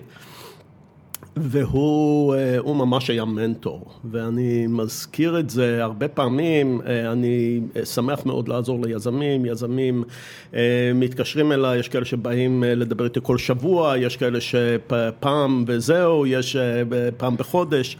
אני שמח לעזור ליזמים, כמו שעד עזר, עזר לי, הוא ממש כיוון אותי, כמו שאתה אומר, בזמן שלא היה כל כך ממי ללמוד. איך, איך, אתה יודע, אותי עכשיו מעניין, עצם התהליך כשהתחלת, אתה יודע, היום נורא קל ש, שאתה מגייס כסף, או שאתה, יודע, כן. אנשים שואלים אותך מה ה exit strategy שלך, וכל מיני כאלה. מה היה הקו מחשבה, שאתם הקמתם את החברה, פשוט חשבתם להקים עסק? כן. שיהיה רווחי, שיהיה, ש... ש... אתה יודע, כן. כמו כל עסק אחר מאז תחילת הימים? כן, כן. אה, כן, הרעיון היה לנסות להקים עסק אה, בתחום של אה, תקשורת מהירה. למה תקשורת מהירה? בגלל שהיה לנו, אה, היה לי רקע בתקשורת ויכולתי מה, כן, מה, אה, מהצבא, אבל לא חשבתי שהטכנולוגיות שהיו בצבא הם אלה שכן, לקחת טכנולוגיה לתחום האזרחי. זה אד מלבסקי הזהיר אותי, זה לא פתרון, זה לא, זה לא בסיס טוב לביזנס, אבל...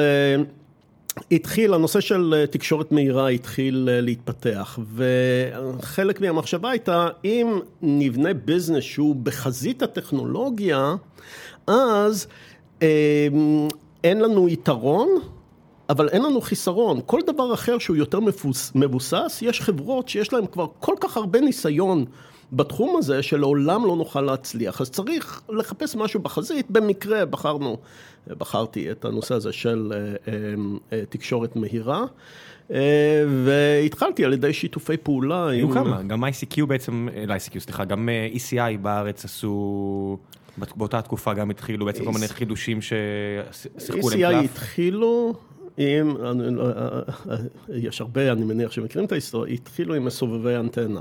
כן, אבל הפריצת דרך שלהם היה על כפל דיבור. נכון, להשתמש בעצם אה, באותו באותו קו כבל נחושת לשני הכיוונים, ה-SDN. כן, כן. כן. אה, כן. ה-SDN, אחר כך, כן, דליה, בוודאי. זה, זה היה, זה באמת היה- כפל דיבור, שלהם. טכנולוגיה, ייחוד, אה, אה, כן, proprietary, כן. ככה זה, אתה יודע, כן, דברים ש- כן. דברים שרק כמה שנים לאחר מכן נראים כל כך טריוויאליים, כן. מישהו הראשון צריך להיות יהיר או נאיבי ולחשוב כן, פשוט לעשות כן. את זה.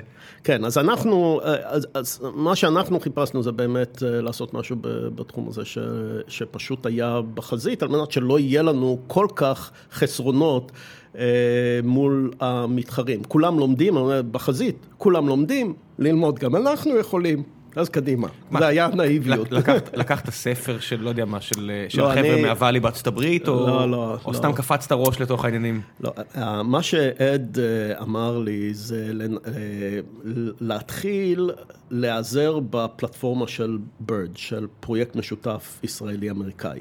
הלוגיקה הייתה פשוטה, הוא אמר, אתם יודעים לפתח, יש חברות אמריקאיות, הם יודעים למכור, הם כבר מוכרים, תתחברו ביחד, אתם תעשו מה שאתם טובים, הם יעשו מה שהם טובים, יצא פרויקט טוב.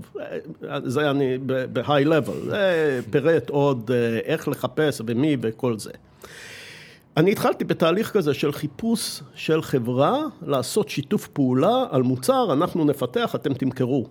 לקח לי שנה, זה היה בסוף 1988. כן, אין, אין, אין עדיין עד, אינטרנט ציבורי. עד, לא, זה, אני, אה, איך שהכנתי את עצמי לנסיעה לארצות הברית, לתערוכה בסן דייגו, אני זוכר תערוכת תקשורת. הלכתי למשרדים של ה BIRD Foundation, שם היה להם אנציקלופדיות. ספרים. אשכרה נייר מודפס עם חברות ותחומי עיסוק שלהם וקונטקט וכל זה. ואני לקחתי את הפרוספקט של התערוכה ועברתי חברה חברה בתוך האנציקלופדיות האלה ומצאתי זה ושלחתי להם פקסים. כן, אני, אני חייב להגיד לך שהיום זה לא כזה שונה, רק שאתה יודע, אנחנו עוברים היום, כשאנחנו באים לכנס, אנחנו עוברים על הרשימה של כולם ושולחים אימיילים. בסדר, אז... הרבה יותר נחמד לעשות את זה, אבל הפעולה עצמה מאוד דומה למי שטועה. ואז הלכתי ודיברתי דיברתי עם חברות והצעתי להם הצעה נורא פשוטה, אנחנו נעשה את הפיתוח, תן הצעה כמו שאמרתי קודם, כן? ונצליח ביחד, אנחנו במה שאנחנו טובים. הם הרי הם לא יכולים לבדוק אותך ב LinkedIn, הם לא יכולים, איך אתה, איך אתה עושה vetting לעצמך, איך עושה due diligence עליך? אז, אז קודם כל זה, זה סיפור אה, בפני עצמו, החלק שאני רציתי להתרכז בו, זאת אומרת, אתה שאלת איך, מאיפה למדתי. כן. אז אני יושב שם בשיחה עם, אה, עם אה, מישהו שהוא כבר, כן, חברה פעילה בתחום התקשורת, אה, זה. אני יודע בצורה וייגית לגמרי על התחום הזה, אבל ממש לא, זה לא תחום מומחיות שלי. אז אני יושב ואני מנסה להבין, אוקיי, מה אם הייתם יכולים לעשות עוד פרויקט, היום אתם עושים זה וזה וזה, אבל אם הייתם יכולים לעשות עוד פרויקט, כן, שהוא ממומן חלקו על ידי הבירד ואנחנו נעשה את הפיתוח ואתם תמכרו, אז מה זה היה שהייתם עושים, כן? ואז הם מתחילים להסביר, אה, זה, זה, זה, זה, זה, הכל buzzwords, buzzwords, אני לא מבין כלום. אז אני יושב שם וכותב כל דבר שהם אומרים. אחרי זה אני הולך למלון, אני חוקר. חוקר את מה שהם אמרו, ומכין הצעה, וחוזר אליהם בהצעה. אני חייב לשאול אותך עכשיו, אתה יודע, אתה חוזר למלון, אין אינטרנט, אתה הולך לספרייה? אז... אתה רוצה ספרייה ליד המלון? אז, אז קודם כל, זה עוזר כשאתה בתערוכה, אז אתה יכול לאסוף אה, מידע וכל זה, זה, אבל אה, כן, אתה לומד ממה שאפשר להשיג, מהמידע שאפשר להשיג, הרי בכל זאת יש מידע, אמנם כן. אין אינטרנט. לא, היה ספריות, אתה יודע, אני לא... כך, כן, אני, זה לא שאני לא זוכר, אבל זה פשוט כן. שונה. אז, אז אתה אז לומד, ועד רמה כזאת שאני יכול להגיש איזושהי הצעה. עכשיו, זה סיכון רציני, אבל בא, מכין, מגיש הצעה. לקח, בפעמים הראשונות באמת לא יצא מזה כלום, לקח שנה שלמה עד שאני למדתי מספיק דרך התהליך הזה בשביל שההצעות כבר התחילו להיות יותר רציניות ובסופו של דבר סגרנו פרויקט משותף עם Tekelec בקלבאסס קליפורניה שזה ליד אה, לוס אנג'לס mm-hmm. ועשינו פרויקט אה, משותף ראשון. עוד gated community כמו, כמו שאתה אוהב. כן, כן. והיה הצלחה גדולה מאוד, המוצר נמכר 6 אה, מיליון דולר בשנה הראשונה והיה הצלחה. הצלחה גדולה, ועשינו עוד פרויקטים וכל זה, בארץ, וככה בארץ בנינו את הידע. העובדה שיש חברה שעושה את הדבר הזה של סטארט-אפ, זה, זה תפס, כן, אנשים כן, דיברו על זה? כן, ש... קודם כל זה היה כבר אה, אה, בתקופה שדיברו יותר על טכנולוגיה. שנית, איזה שנה אנחנו מדברים? 90, 91, כן. אתה יודע, Netscape, שעשו את זה כמה שנים לאחר מכן, שש או שבע שנים לאחריך, כן. אה, אבל, אבל מה שקרה זה שכבר ה-Bird Foundation ש, אה, שניסה לקדם פיתוחים משותפים ישראלים אמריקאים, כן? הוא זה שכל הזמן אה, ביקש ממני לבוא לדבר בכנסים שלהם בשביל לשכנע עוד אחרים לעשות דברים דומים, אתה מבין? אז היה, היו כאלה שדחפו, אבל כמו שאתה אומר, ECI כבר הייתה קיימת, אה, מוטורולה הייתה בארץ, אה, זה, זאת אומרת... היה פה IBM, היה פה מוטורולה. כן, חברות כן. טכנולוגיה. היו פה בארץ. אה, הנושא הזה של מה שאנחנו מכירים היום, סטארט-אפים שנקנים על ידי מולטינשיונל, זה מה שהיה חדש. אה, ב- זה היה, הייתה הראשון. ב-94, כן. איך, איך הייתה התגובה? שמחלקת M&A של חברה מתקשרת אליך? תראה, קודם כל, אריק בן חמו שקנה אותי אז, היה ב-3Com, היה CEO של 3Com, הוא גם חבר, הפכנו להיות חברים, ועובדים ביחד ביזמויות היום, עד עצם היום הזה, וגם בתחום החברתי וגם בתחום הכלכלי. אז הוא ביקש ממני, הוא לימד לפני כמה שנים באינסיאד בצרפת, אז הוא ביקש ממני לכתוב case study. עשרה חודשים, צרפת נחשב לאחד הטובים בעולם. כן, case study על הקנייה על ידי 3Com של נייסקום, אז ולבוא לפריז ולתת את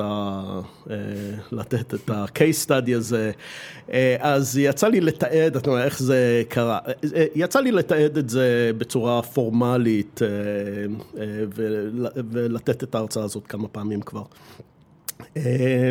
זה היה מאוד משונה, כל התהליך, אתה מתאר לעצמך, עורכי דין זה הפעם הראשונה שהם עשו את זה, ה accountant זה הפעם הראשונה שעשו את זה, הכל היה... רשויות המס בארץ. רשויות המס, אני לא רוצה בכלל לדבר על הבלגן שהיה עם רשויות המס. כן. היה, זה היה משונה. החברה הייתה רשומה בארץ? שכבר גילו את הטריק של דלוור וחברת והיפוך שרוול וידה ידה ידה. אני חושב שהיא הייתה בארץ, אני כבר לא זוכר. אז בכלל חגיגה גדולה. אבל תשמע, היה, אבל לפחות לא לקחנו כספי מדען, אז לא היה. כן, זה דברים שעושים היום. כן, היינו ממש בתהליך זה, ביטלנו את זה ממש תוך כדי. אז... העיתונאים לא הבינו את הדבר הזה, זאת אומרת חברה שאין לה מכירות נמכרת ב... אז היה 60 מיליון דולר, היום זה לא נחשב להרבה כסף בכלל, אז היה... בוא לא נזה. אתה יודע, תלוי בכמה הושקע בחברה כמובן. כן, הוא הושקע כמעט כלום. אז אני אומר, אז חברות שההשקעה הייתה מינימלית והאבולואציה מינימלית, 60 מיליון דולר, שהמשקיעים עשו 6x. המשקיעים עשו הרבה מאוד כסף. זה עדיין מכובד היום, בואו לא נצייר את המצב היום אופטימלי. אבל אני אומר, עיתונאי הכלכלה, לא הבינו, איך זה יכול להיות? חברה שלא מוכרת כלום. אין מכפיל. אין מכפיל. אמרתי לך, גם שש, שבע שנים לאחר מכן, שאנדריסן, שמרק אנדריסן מנפיק ובלי זה, אנשים היו בשוק. כן, בדיוק. זה, זה גם שנים קדימה, אתה, אתה יודע, הקדמת את הסיפור הזה לא רק בארץ, זה גם בחו"ל זה היה די נדיר. כן, כן, כן. אז זהו, אז זה היה, זה היה מאוד, מאוד משונה. כמובן שזה נחמד לראות היום, שזה תעשייה שלמה וזה מתקתק, וכמו שאתה אומר, יזם יודע, אני זה, זה, זה. למי ששומע, בוא נגיד שלא, אל תקפאו על שמריכם, זה לא שאם יש עכשיו זה לא יכול להיעלם. כן. שחס וחלילה לא ייתפס ככה. זה גם השתנה מאוד, הרי מהתקופות האלה עד לשלב שהתחילו להיכנס גם הקרנות האמריקאיות לכאן, לשלב הנוכחי שמאוד שונה ממה שהוא היה סך הכל לפני עשור. אתה היית שותף בקרן מאוד... כן, בקרן אמריקאית, אנחנו... בנצ'מארק הייתה הכי גדולה בעולם אז? כן, כן, אז הייתה מהחזקות ביותר והתחילה התפשטות קודם באירופה ואחרי זה בישראל. זה היה תחילת הכניסה של האמריקאים, היום ה-VCs האמריקאים עושים השקעות ישירות בלי שותפים ישראלים בכלל. וגם אם יש שותפים ישראלים, אני יכול להגיד לך הרבה פעמים, הם יכולים להגיד בוא אני אפנה אותך לשותפים האמריקאים והם ימשיכו את התהליך משם. כן, כן, מצב מאוד מאוד שונה, אז הדברים, כל משתנים כל הזמן, כמו שאתה אומר, אי אפשר. איך היה לגשר את הפער עבור השותפים שלך, היית GP בבנצ'מארק, איך היה לגשר את הפער עבור החבר'ה האמריקאים, אתה יודע, הם התחילו לפגוש ישראלים, והישראלים עדיין לא הכירו את התרבות האמריקאית, ואם היום לפעמים המפגש הוא חריף, אני מניח שאז הוא היה ממש פיקנטי.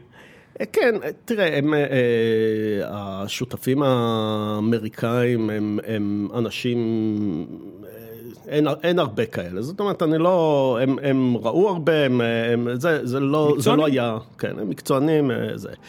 אבל חלק ממה שעשו בבנצ'מרק שונה מאשר קרנות אחרים, זה שלא עשו אה, אה, סניף מקומי פה בישראל לקרן האמריקאית, אלא אמרו על מנת שקרן, גם באירופה וגם בישראל, עבדו בשיטה של קרן שמקבלת את כל ההחלטות עצמאית.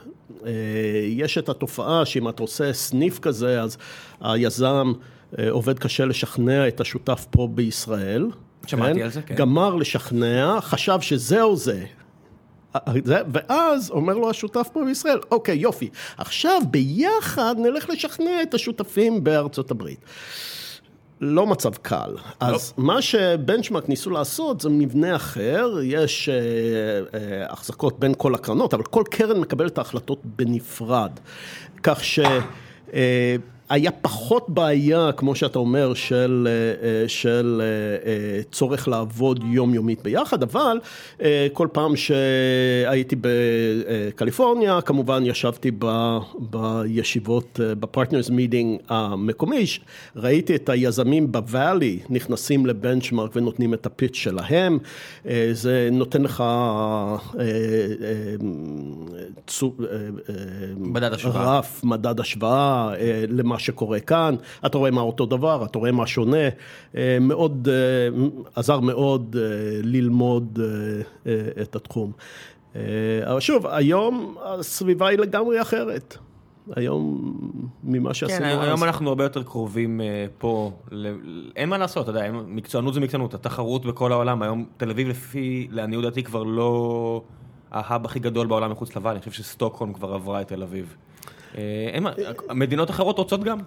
אה, יכול להיות, אבל אין הרבה, לא, לא, עדיין, עדיין, אין הרבה מקומות שהפכו להיות מוקדים אמיתיים לא, לא, גוש דן עדיין, אה, כן. יש סיבה שאנחנו, איפה שאנחנו יושבים עכשיו, במרחק של 200-300 מטר מאיתנו יש את אמזון, ויש פה את פייסבוק, ויש פה כן, את גוגל, ויש כן. פה, הם, אז גוגל 600 מטר ולא 200 כן. מטר, אבל ככה זה. כן, טוב. מדהים. אה, ואז עכשיו השאל, השאלות הבאות נראה לי טיפה חוזרות למה שדיברנו לפני כן.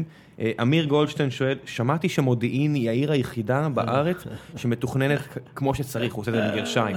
זה נכון? אה, אוקיי, אה, מודיעין מתוכננת... זו העיר האחרונה שנבנתה בארץ, נכון? אה, מודיעין תוכננה ונבנתה כעיר מודרנית.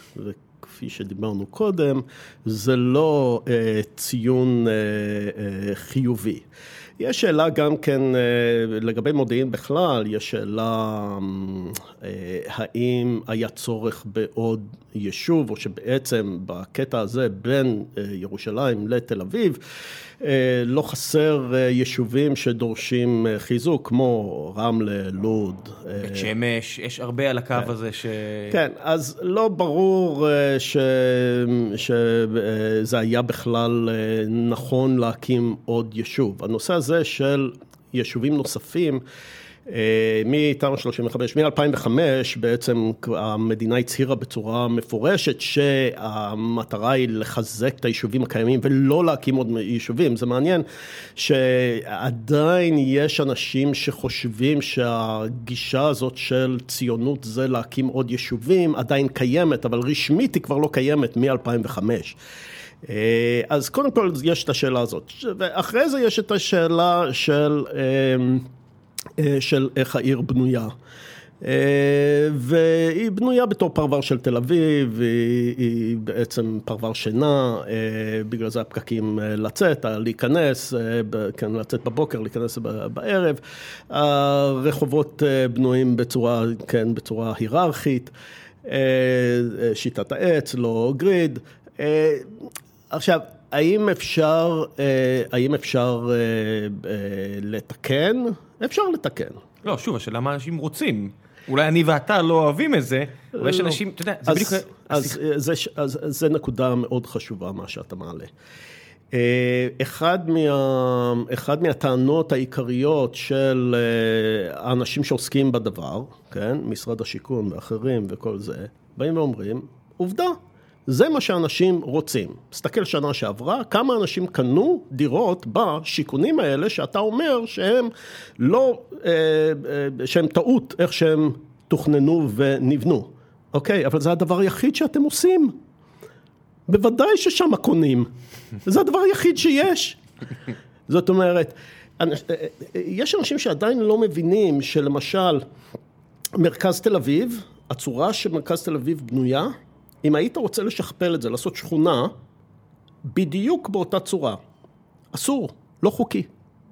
לא עומד... על איזה חוק זה... לא עומד בשום תקנה. Okay. אוקיי. לא, לא חנייה, לא שטחים ציבוריים, לא... אה, לא אה, אה, גודל של תיכונים אמרת? כי יש פה תיכונים כן, לא, שום, שום, שום תקנה לא עומד.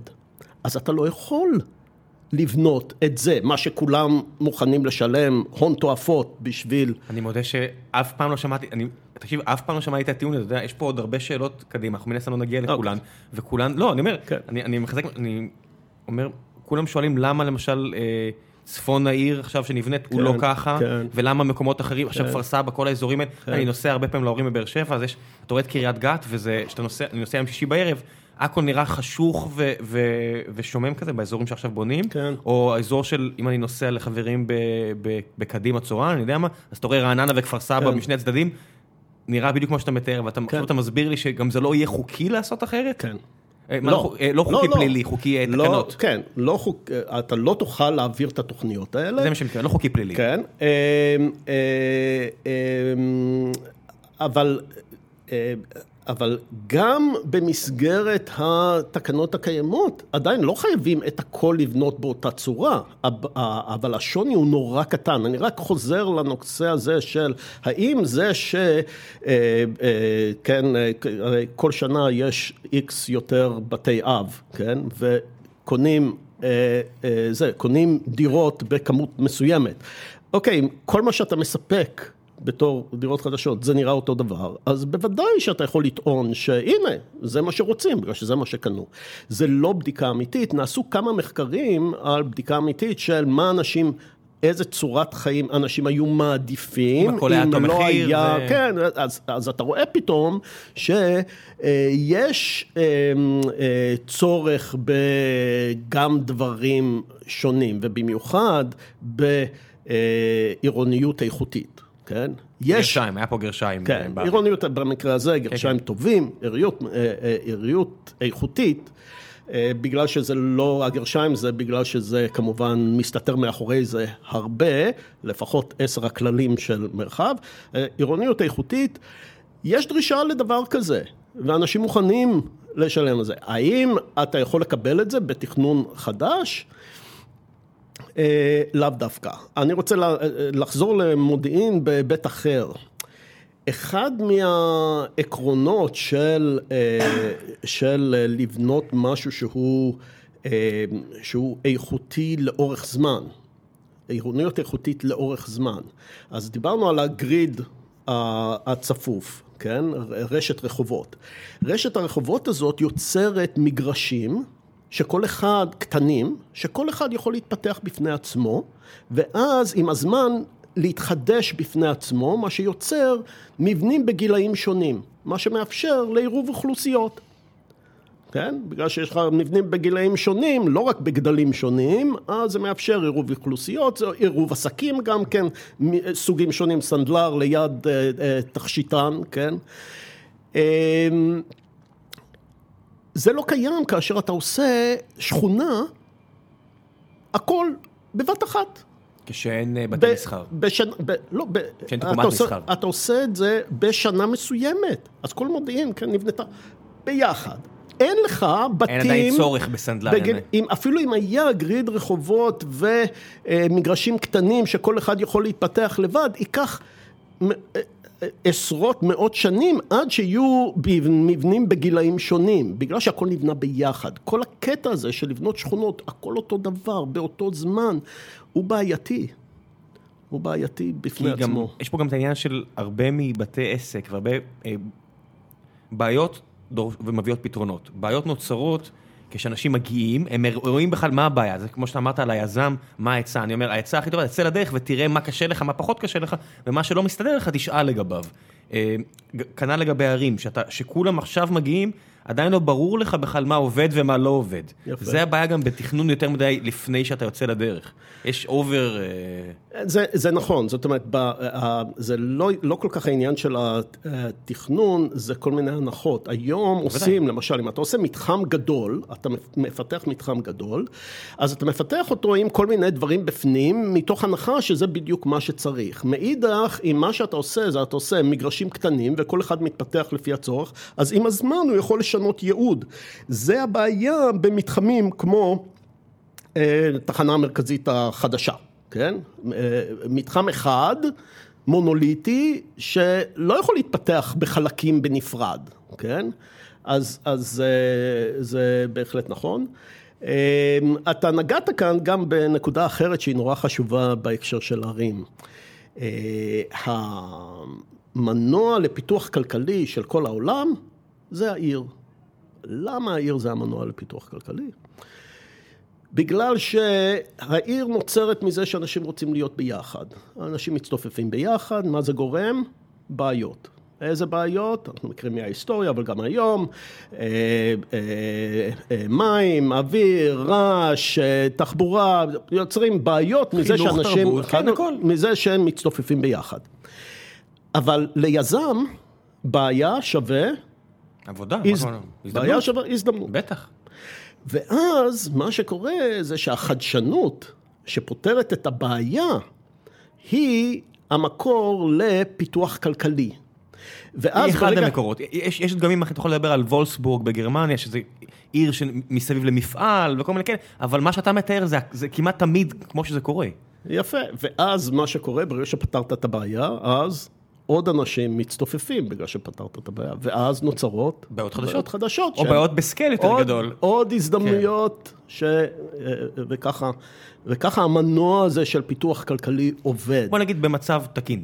שוב, במצב ש, שיש הזדמנויות שבאמת אפשר להרים עסקים, שאפשר לפתור... יפה. בה, אנחנו רואים עכשיו הרי ענק באפריקה, אה, בניגריה כבר יש לך פתאום את לגוס עם עיר של מה, 15, מי יודע כמה אנשים יש שם, ובגלל שאין את התשתיות הטובות לפתרון בעיות, אז בעצם הבעיות רק הופכות להיות בסקייל יותר ויותר גדול, ואז גם כבר אי אפשר אולי לפתור אותן בלי התערבות אה, של גוף נורא גדול כמו ממשלה או תאגיד ענק. יפה, מה שמעלה את זה שלערים, מעצם הצטופפות האנשים, יש יתרונות כלכליים מאוד גדולים. אבל זה לא אומר שאתה לא יכול לדפוק אותם, אתה יכול לדפוק אותם על ידי ממשל לא תקין, אתה יכול לדפוק אותם על ידי תכנון עיר לא טוב. אז זה שיש יתרון טבעי להצטופפות של אנשים, זה נכון, אבל זה לא מבטיח שאתה יכול לקצור את היתרונות האלה בלי לדאוג לעשות את שאר הדברים כמו שצריך. כן, תשים בעצם תקרת זכוכית מאוד עבה על האיכות חיים והיכולת של העיר הזו להתפתח ולהגיע להישגים. כן. אמ, בוא נתקרב קצת לסוף. אה, אני מחזיק אותך פה כבר הרבה זמן, אה, יש פה כל מיני דברים שכבר דיברנו. איציק שואל, האם לא כדאי לבצע תכנון ל-20 שנה קדימה ולסגור את התכנון העירוני? אומר, בפועל השטח בישראל די מוגבל, וכמויות השטחים הפנויים הולכות ונגמרות. יכול להיות שהיה משתלם לבצע תוכנית ארוכת טווח מאוד לערים בישראל בהסתכלות ארצית? אז קודם כל, אה, זה אחד מהטרגדיות אה, פה במדינה, כן, אתה מדבר עם, עם הציבור הרחב, בדרך כלל התגובה שאתה מקבל, אני לא יודע, אה, אה, לא, לא מדבר ספציפית על איציק, בדרך כלל התגובה שאתה מקבל, הבעיה בישראל זה שאין תכנון. עכשיו, זה לא יכול להיות יותר רחוק מהמציאות. בישראל יש תכנון, אנחנו משל, משלמי המיסים, כן, אנחנו משלמים על תכנון, מערכת תכנון ענקית. הכל מתוכנן כאן. אין שום דבר שאתה רואה שהוא לא תוצאה מתכנון ורה-תכנון על זה ועוד אה, שינויים ותכנונים וכל זה, הכל מתוכנן עד הפיפס האחרון. מה ש... ברגע שמבינים את זה, אז בכלל עוד יותר נסערים. זאת אומרת, אם חשבת אין תכנון, רק נתכנן, יהיה יותר טוב. עכשיו אתה יודע שזה הכל מתוכנן, וזה התוצאה, אז זה ברור שיש כאן צורך בשינוי חברתי. אתה אומר, זה מרחב קיימת. עוד, עוד, אה, עוד תכנון על התכנון זה לא בהכרח הדבר הנכון, אם, התכנון, אם תהליך העבודה לא בהכרח... אה, כן, גם הנושא הזה של, אתה נגעת על הנושא הזה, אה, לא בהכרח...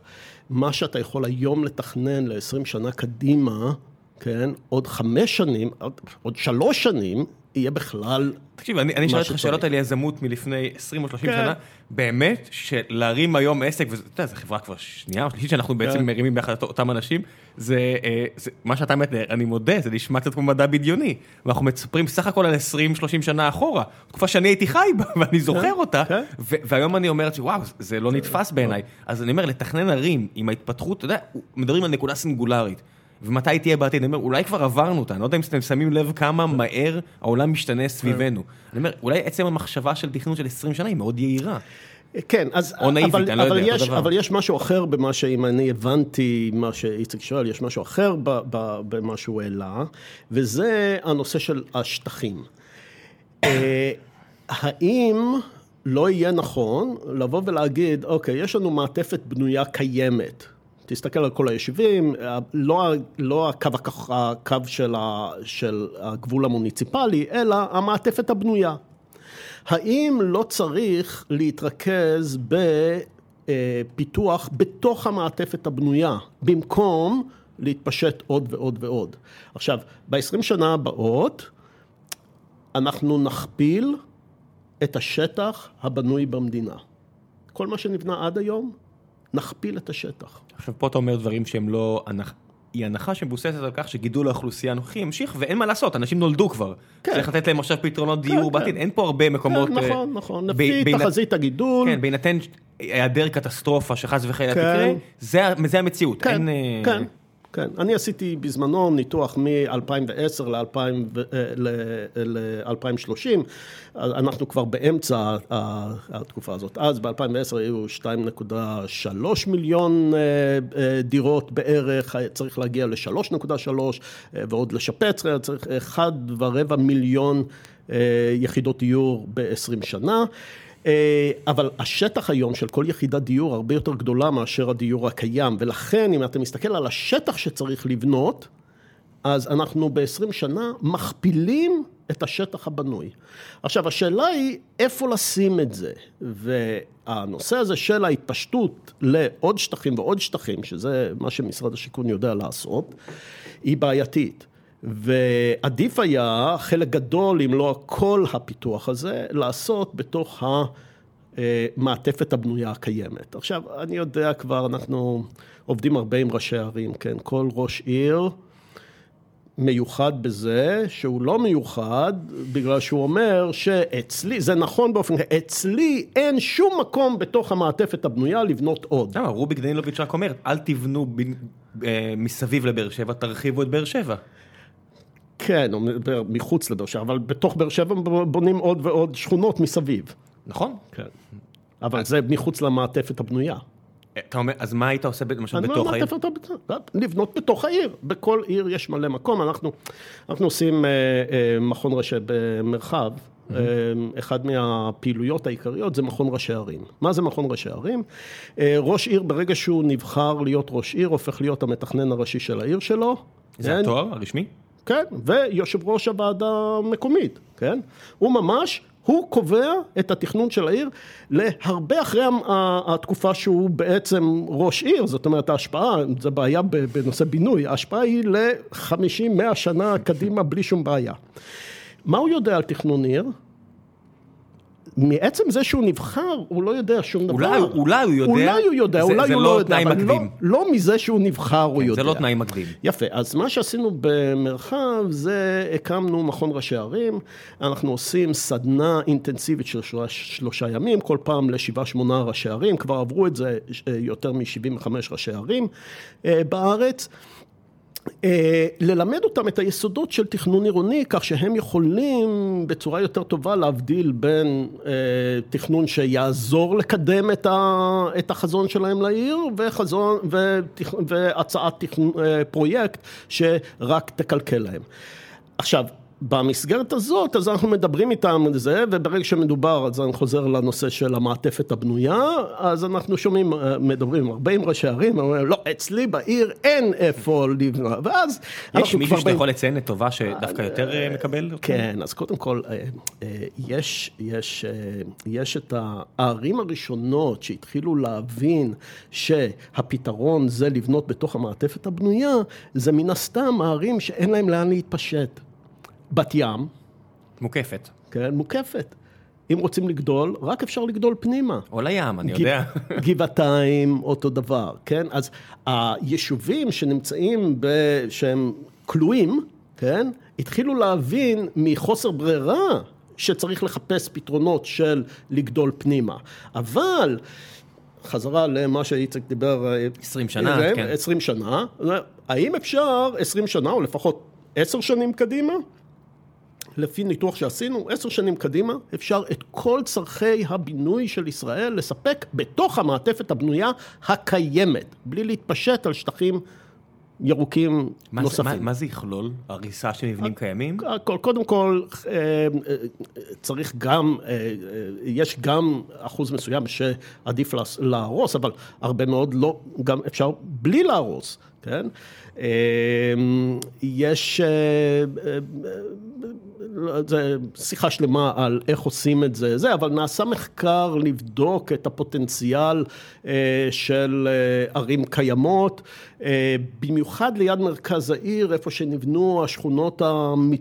שהיום הן מתפוררות, של שנות החמישים, שישים, אה, כל זה, אה, ומגיעים לכן מאות אלפי יחידות דיור שאפשר לבנות ר- במרכזי הערים, מה. דעתכם על כל המגדלים שאני רואה שנבנים אה, לאוכלוסייה מאוד מאוד אה, עשירה? אז- עכשיו אני אומר, בכלכלה חופשית אתה לא יכול, הרי מצד אחד אני לא יכול להגיד למישהו מה לא לעשות, מצד שני, אני אומר, בניין כזה שמאכלס במקרה הטוב 20, 25 משפחות והוא על שטח כל כך גדול, אוקיי, אז, אז קודם כל, נושא של כלכלה חופשית. בבינוי אין דבר כזה. אין כלכלה חופשית בכלל. כל מי שמכניס טיעונים של זה תואם, לא תואם, אין בכלל, אין מאיפה להתחיל. דרך אגב, זה נכון גם בארצות הברית, כן? אין כלכלה חופשית ב- בבינוי. במנהטן הרגולציה היא משוגעת. לא, זה לא רק העניין של... אני אומר, בבירת זה- לא, לא. העסקים, כן. עצם זה ש- אה, שמורגג' זה tax deductible, אבל rent לא tax deductible, כן? זה התערבות הכי גסה שיכולה להיות בשוק. בעצם מה שאתה אומר, שממשלת ארצות הברית מעודדת אנשים להיות בעלי בתים במקום לשכור בתים. כן, זה ממלחמת העולם עוזרים- השנייה. היום לכולם ברור שמבחינה כלכלית זה קטסטרופה וצריך להפסיק את זה, אבל אי אפשר. כן? הטבות- הטבות נורא קשה לקחת מאזרחים. יפה. מבוחרים. אז, אז זה, זה בארצות הברית, גם בישראל, בקיצור אין אה, זה, אבל חזרה למגדלים. מגדלים, קודם כל, דבר ראשון שצריכים להבין, כמה דברים שצריכים להבין על מגדלים. לא, יש מגדלים ויש מגדלים. אני דיברתי על בסדר, מגדלים אוקיי, הספציפיים ש... בסדר, אני אני הבנתי, הבנתי, אני אגיע לזה, אבל אם כן. תרשה לי, העלית את הנושא של מגדלים. מרשה לך, כן. אה, העלית את הנושא של מגדלים. אז קודם כל, דבר ראשון שצריכים להבין, מגדלים לא שווה צפיפות.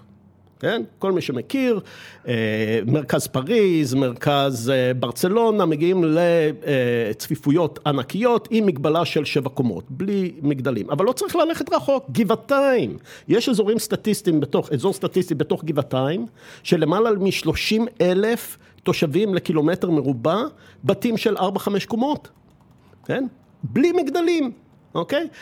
אז מגדלים לא שווה צפיפות. אתה רוצה לעשות צפיפות, אתה לא חייב לעשות מגדלים. דבר שני, יש מגדלים ויש מגדלים. אפילו אם אתה עושה מגדלים מהשיקולים שלך, איך המגדל מתיישב על הרחוב יותר חשוב מכמה קומות יש לו. זה דבר שני. דבר שלישי, זה מה שאתה העלית. למי המגדלים האלה? איך נראות וכאן- הדירות? איך, קודם כל איך נראות הדירות, אבל גם כן מה דרוש מבחינת תחזוקה ומה העלות בכלל בנייה, ובגלל אה, אה, התקנות שמעל לגובה כזה צריך ככה, מעל לגובה כזה צריך ככה, יוצא שהעלויות של בניין מעל אה, שמונה קומות, כן, הוא נעשה מאוד גבוה. ההחזקה אחרי זה, המערכות הן מערכות מאוד אה, מתקדמות וכל זה, שההחזקה אז הופכת להיות אה, בעיה מאוד גדולה. זאת אומרת, זה לא רק בעיה של אה, עשיתי, את ה, עשיתי הכל דירות גדולות לעשירים. נגיד שאני מכריח לעשות גם דירות בר, ברי השגה. אבל איך הם ישלמו את דמי ההחזקה? יש מגדלים בתל אביב, שאתה מסתכל על השכירות שלהם, אם סתם מעניין אותך, אתה אומר, היי, זה לא כזה יקר כמו שחשבתי, ואז אתה אומר לי, אה, יש פה עוד 2,000-3,000 שקל אה, כל חודש החזקה. כן, בבקשה. כן. אתה, אז, אז, אז, אז, אז הנושא הזה של איך אפשר לבנות בצפיפות בלי להגיע למגדלים שגורמים ל... לא רק לזה ש... אה, אה, לתופעות, אה, לכל מיני תופעות נגטיביות, אבל גם לנושא הזה שבעצם מונעים עירוב אוכלוסיות, זה בעיה. יש פה גם שאלות על דברים יותר כביכול קטנים, אבל שהם כן חשובים כן. לאנשים. טל שואלת, טל סוויסה שואלת, למה במדינה כמו ישראל אין שום תכנון עירוני מכוון הצללה? אה, אני כאדם שהולך המון ברגל, אני מודה שבקיץ, זה, זה באמת מוביל למצבים שאני צריך מקלחת במשרד, אחרת אני, אתה יודע, אני עושה כל מיני פתרונות מאוד מוזרים. יפה, וכל רוכב אופניים יודע שזה שמסמנים בכיוון אחד, בצד אחד של הכביש, חץ לכיוון אחד בשביל אופניים ובצד השני חץ לזה, זה שטות, בגלל שבקיץ אני הולך לרכב איפה שצל, אני לא אכפת לי מה החצים אומרים. אה, כן, הנושא של צל בארץ סופר חשוב, התחיל לקבל אה, התייחסות בתל אביב, אני לא יודע, שמעת, עשו תחרות כזאת על נושא הצל וכל זה. אוקיי. אה, התחיל לקבל התייחסות, זה, זה ממש נהדר שהתחיל. בעולם של, ה, בעולם של, ה, של הבנייה הירוקה, יש התייחסות משמעותית לנושא של שמש, אבל בגלל שזה בא מארצות צפוניות, כל הזה, אז עדיין כל הזמן מדברים על הזכות לשמש. כל הזמן אני שומע את זה, אומר, רגע, מה עם הזכות לצל? לי. אז מעמידים את הבניינים שהם לא יעשו צל אחד על השני, נורא חשוב, אבל צל ברחוב. העצים, זה חלק מה... מה יש, יש אה, אה, חוסר בכמות אדירה של עצים ברחובות. עכשיו, יש בעיות עם זה. אחד, המתכנני תנועה מתנגדים. הם לא רוצים, בשביל שהמכוניות יזרמו כמה שיותר מהר, אז לא רוצים הפרעות אה, של, מבחינתם עץ זה מפגע. אה, אלה שעושים תשתיות, יש להם בעיה עם זה, בגלל שזה נכנסים לתשתיות.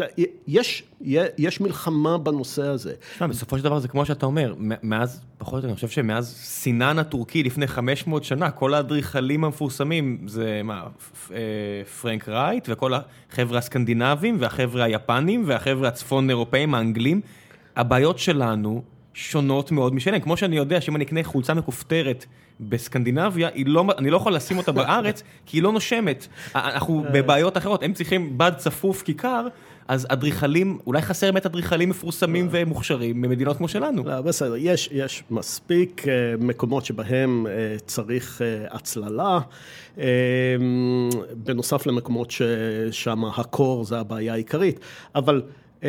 אבל חזרה לנושא הזה של הצל, קשור מאוד לנושא של אה, עצים וקשור מאוד לנושא של אה, הגודל אה, זכות הדרך, או יותר המרחק בין בניינים. זאת אומרת, אם אתה מסתכל למשל על, על אלעד. העיר אלעד. העיר אלעד. שמה, למרות שיחסית הבנייה היא צפופה, הרחובות נורא רחבים, והמרחק בין הבתים עוד יותר, יש setback, כן? המרחק בין הבתים עוד יותר גדול. ולכן, והעצים מסכנים שם רק בתחילת הדרך.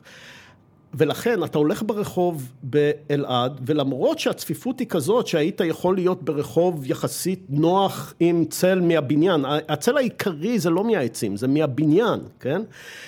אין צל מהבניין, הבניין עוד, כל כן. כך רחוק. וזה עוד עיר שבה אנשים הולכים חדשה, ברגל, הולכים כי הם חרדים, ברגל, כן, והם לבושים בצמר בקיץ. אתה מבין, אם מישהו צריך הצללה, זה החבר'ה באלעד, נכון. שיושבים בכנסת בסוף שבוע, מזיעים. כן, ועשו להם את הבניינים נורא רחוקים, ומי שתכנן את זה, חשב שעושה להם טובה גדולה. זאת אומרת, זה לא, זה לא, זה חוזר לזה, זה לא שזה לא תוכנן, זה תוכנן ככה. זה לא באג, זה פיצ'ר. כן, אה, בוא, טוב, יש פה, יש פה המון שאלות, אני, אני אתקדם קצת לסוף. אה, רחל שואלת, אה, האם יש תכנוני ערים חברתיים שמשלבים גם דיור ציבורי? האם אתה יכול להרחיב על פתרונות שונים מבחינת תועלת וחסרונות? העניין הזה של דיור ציבורי בתכנון עירוני מודרני, כן, מה שמרחב כן, בעצם כן, מתעסק כן, כן, כן, מרחב גם מתעסקת עם זה, אבל הנושא הזה, כמות הדיור הציבורי... אה, במדינות שונות אה, הוא מאוד שונה. יש אה, מדינות שיש בהן המון דיור ציבורי, ויש כאלה שיש פחות. בישראל זה מעניין, התופעה בישראל די מעניינת, היה הרי בשנות ה-50-60 שהיה את כל העלייה ושיכנו את האנשים בשיכונים, הוציאו אותם מהאוהלים והכניסו אותם לשיכונים, כן? אז זה היה, אה, חלק גדול מזה היה שיכון ציבורי. ומה שהממשלה ניסתה לעשות, ואני לא נכנס כאן, יש, יש סיבות טובות לחשוב שזה יכול להיות טוב, כן? היא ניסתה להעביר את זה שזה יהיה לרשות האנשים. והיא עשתה את זה על ידי אינסנטיבס uh, מאוד גדולים, ובעצם האנשים קנו את הדיור מהממשלה. ועכשיו הם הבעלים. ומה קורה עכשיו? הבתים האלה מתפוררים, ואותם אלה שלא יכלו להרשות לעצמם את הדיור מלכתחילה, לא יכולים להרשות לעצמם... הם תקועים. הם תקועים במקום שהוא... לשפץ בעצמם. אוקיי? אז זה שזה הועבר אליהם, זה כבר לא ציבורי, זאת אומרת, זה היה ציבורי, זה כבר לא ציבורי, זה בעצם עדיין ציבורי. ואז על מנת לממן את השיפוץ, אז עושים את כל המכפילים האלה של, אה, כן, של פינוי-בינוי וכל הדברים האלה, ששוב לא עובדים במקומות שהם לא אזורי ביקוש היסטרי. זה בסופו של דבר עוד דוגמה לכך שפתרון, לשים פלסטר על בעיה, כמעט תמיד לא באמת פותר אותה. כן, אז, אז בעצם, אז אם חושבים על זה בצורה הזאת, אז יש המון דיור ציבורי בארץ. הוא פשוט זה, לא, הוא פשוט, הוא לא פשוט בבעלות של האנשים, אבל זה עדיין, דה פקטו, זה דיור ציבורי, והציבור, כן, אנחנו בתור חברה צריכים לטפל בעניין הזה.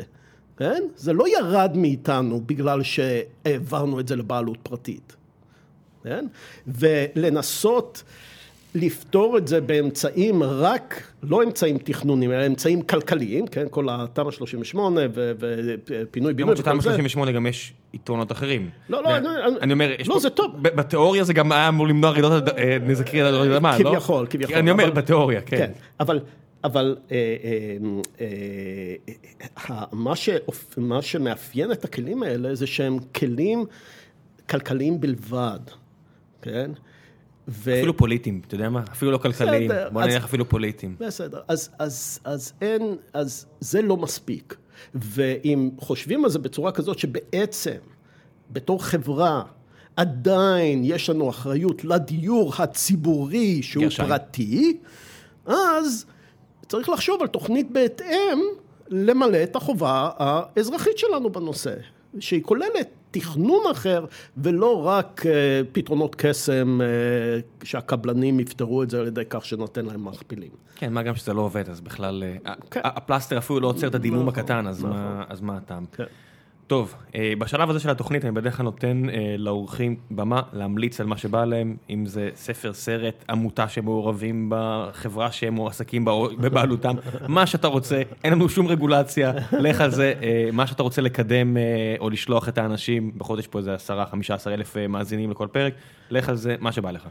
אוקיי, okay, אז אני כבר הזכרתי כמה פעמים, אני פעיל במרחב התנועה לעירוניות בישראל, אני מציע... אה, לחפש אה, את ה, גם את האינטרנט, הפייסבוק אה, ואת הפעילויות. כן. כן, יש את הלינקים. מרחב הוקמה ב-2005, זאת אומרת כבר עבר יותר מעשור, היום כולם מדברים על עירוניות, תשים לב לשיחה הזאת, הקהל הרחב מעוניין ב-2005 זה לא היה השיח, לא הציבורי ולא המקצועי. אז זה אחד מהשינויים שהצלחנו לעשות uh, במרחב. Uh, uh, זה תחום מרתק, כל הנושא הזה של עירוניות ואיכות חיים עירונית, uh, זה תחום מרתק. uh, כולל הרבה מאוד תחומים אחרים, דיברנו למשל על הקשר החזק מאוד לתחבורה. Uh, כדאי uh, להצטרף למאמץ uh, לשפר את איכות החיים העירונית בישראל. יפה מאוד. אה, עוד המלצות? אה, מבחינת אה, ספרים, יש הרבה מאוד ספרים בנושאים האלה. מה שבא לך, לא- אתה לא חייב להגביל את עצמך לשום, אפילו לנושא, משהו שבא לך להמליץ עליו. אתה, תראה, אתה הזכרת בעברית, הבעיה היא שאין הרבה ספרים בעברית. הרבה מהמאזינים פה אפילו הם לא בארץ, אני רואה את הפילוח שלהם. אוקיי. רק 88 אחוזים אוקיי, ישראלים. בסדר, אז בעברית תורגם הספר הפורץ דרך המשמעותי בתחום הזה של ג'יין ג'ייקובס לעברית. לעברית, מי שלא קרא את זה, זה חובה. היא בעצם מדברת על ה-inner cities ועל כל הדברים. כן, חיים ומותם של ערים. מה שיותר חשוב שם זה להבין את, היא מדברת על ארבע עקרונות של עיר מוצלחת, אבל להבין את הדינמיקה שהיא עיר, וזה מה שהיא הבינה, והבינה שהתנועה המודרנית עובדת נגד.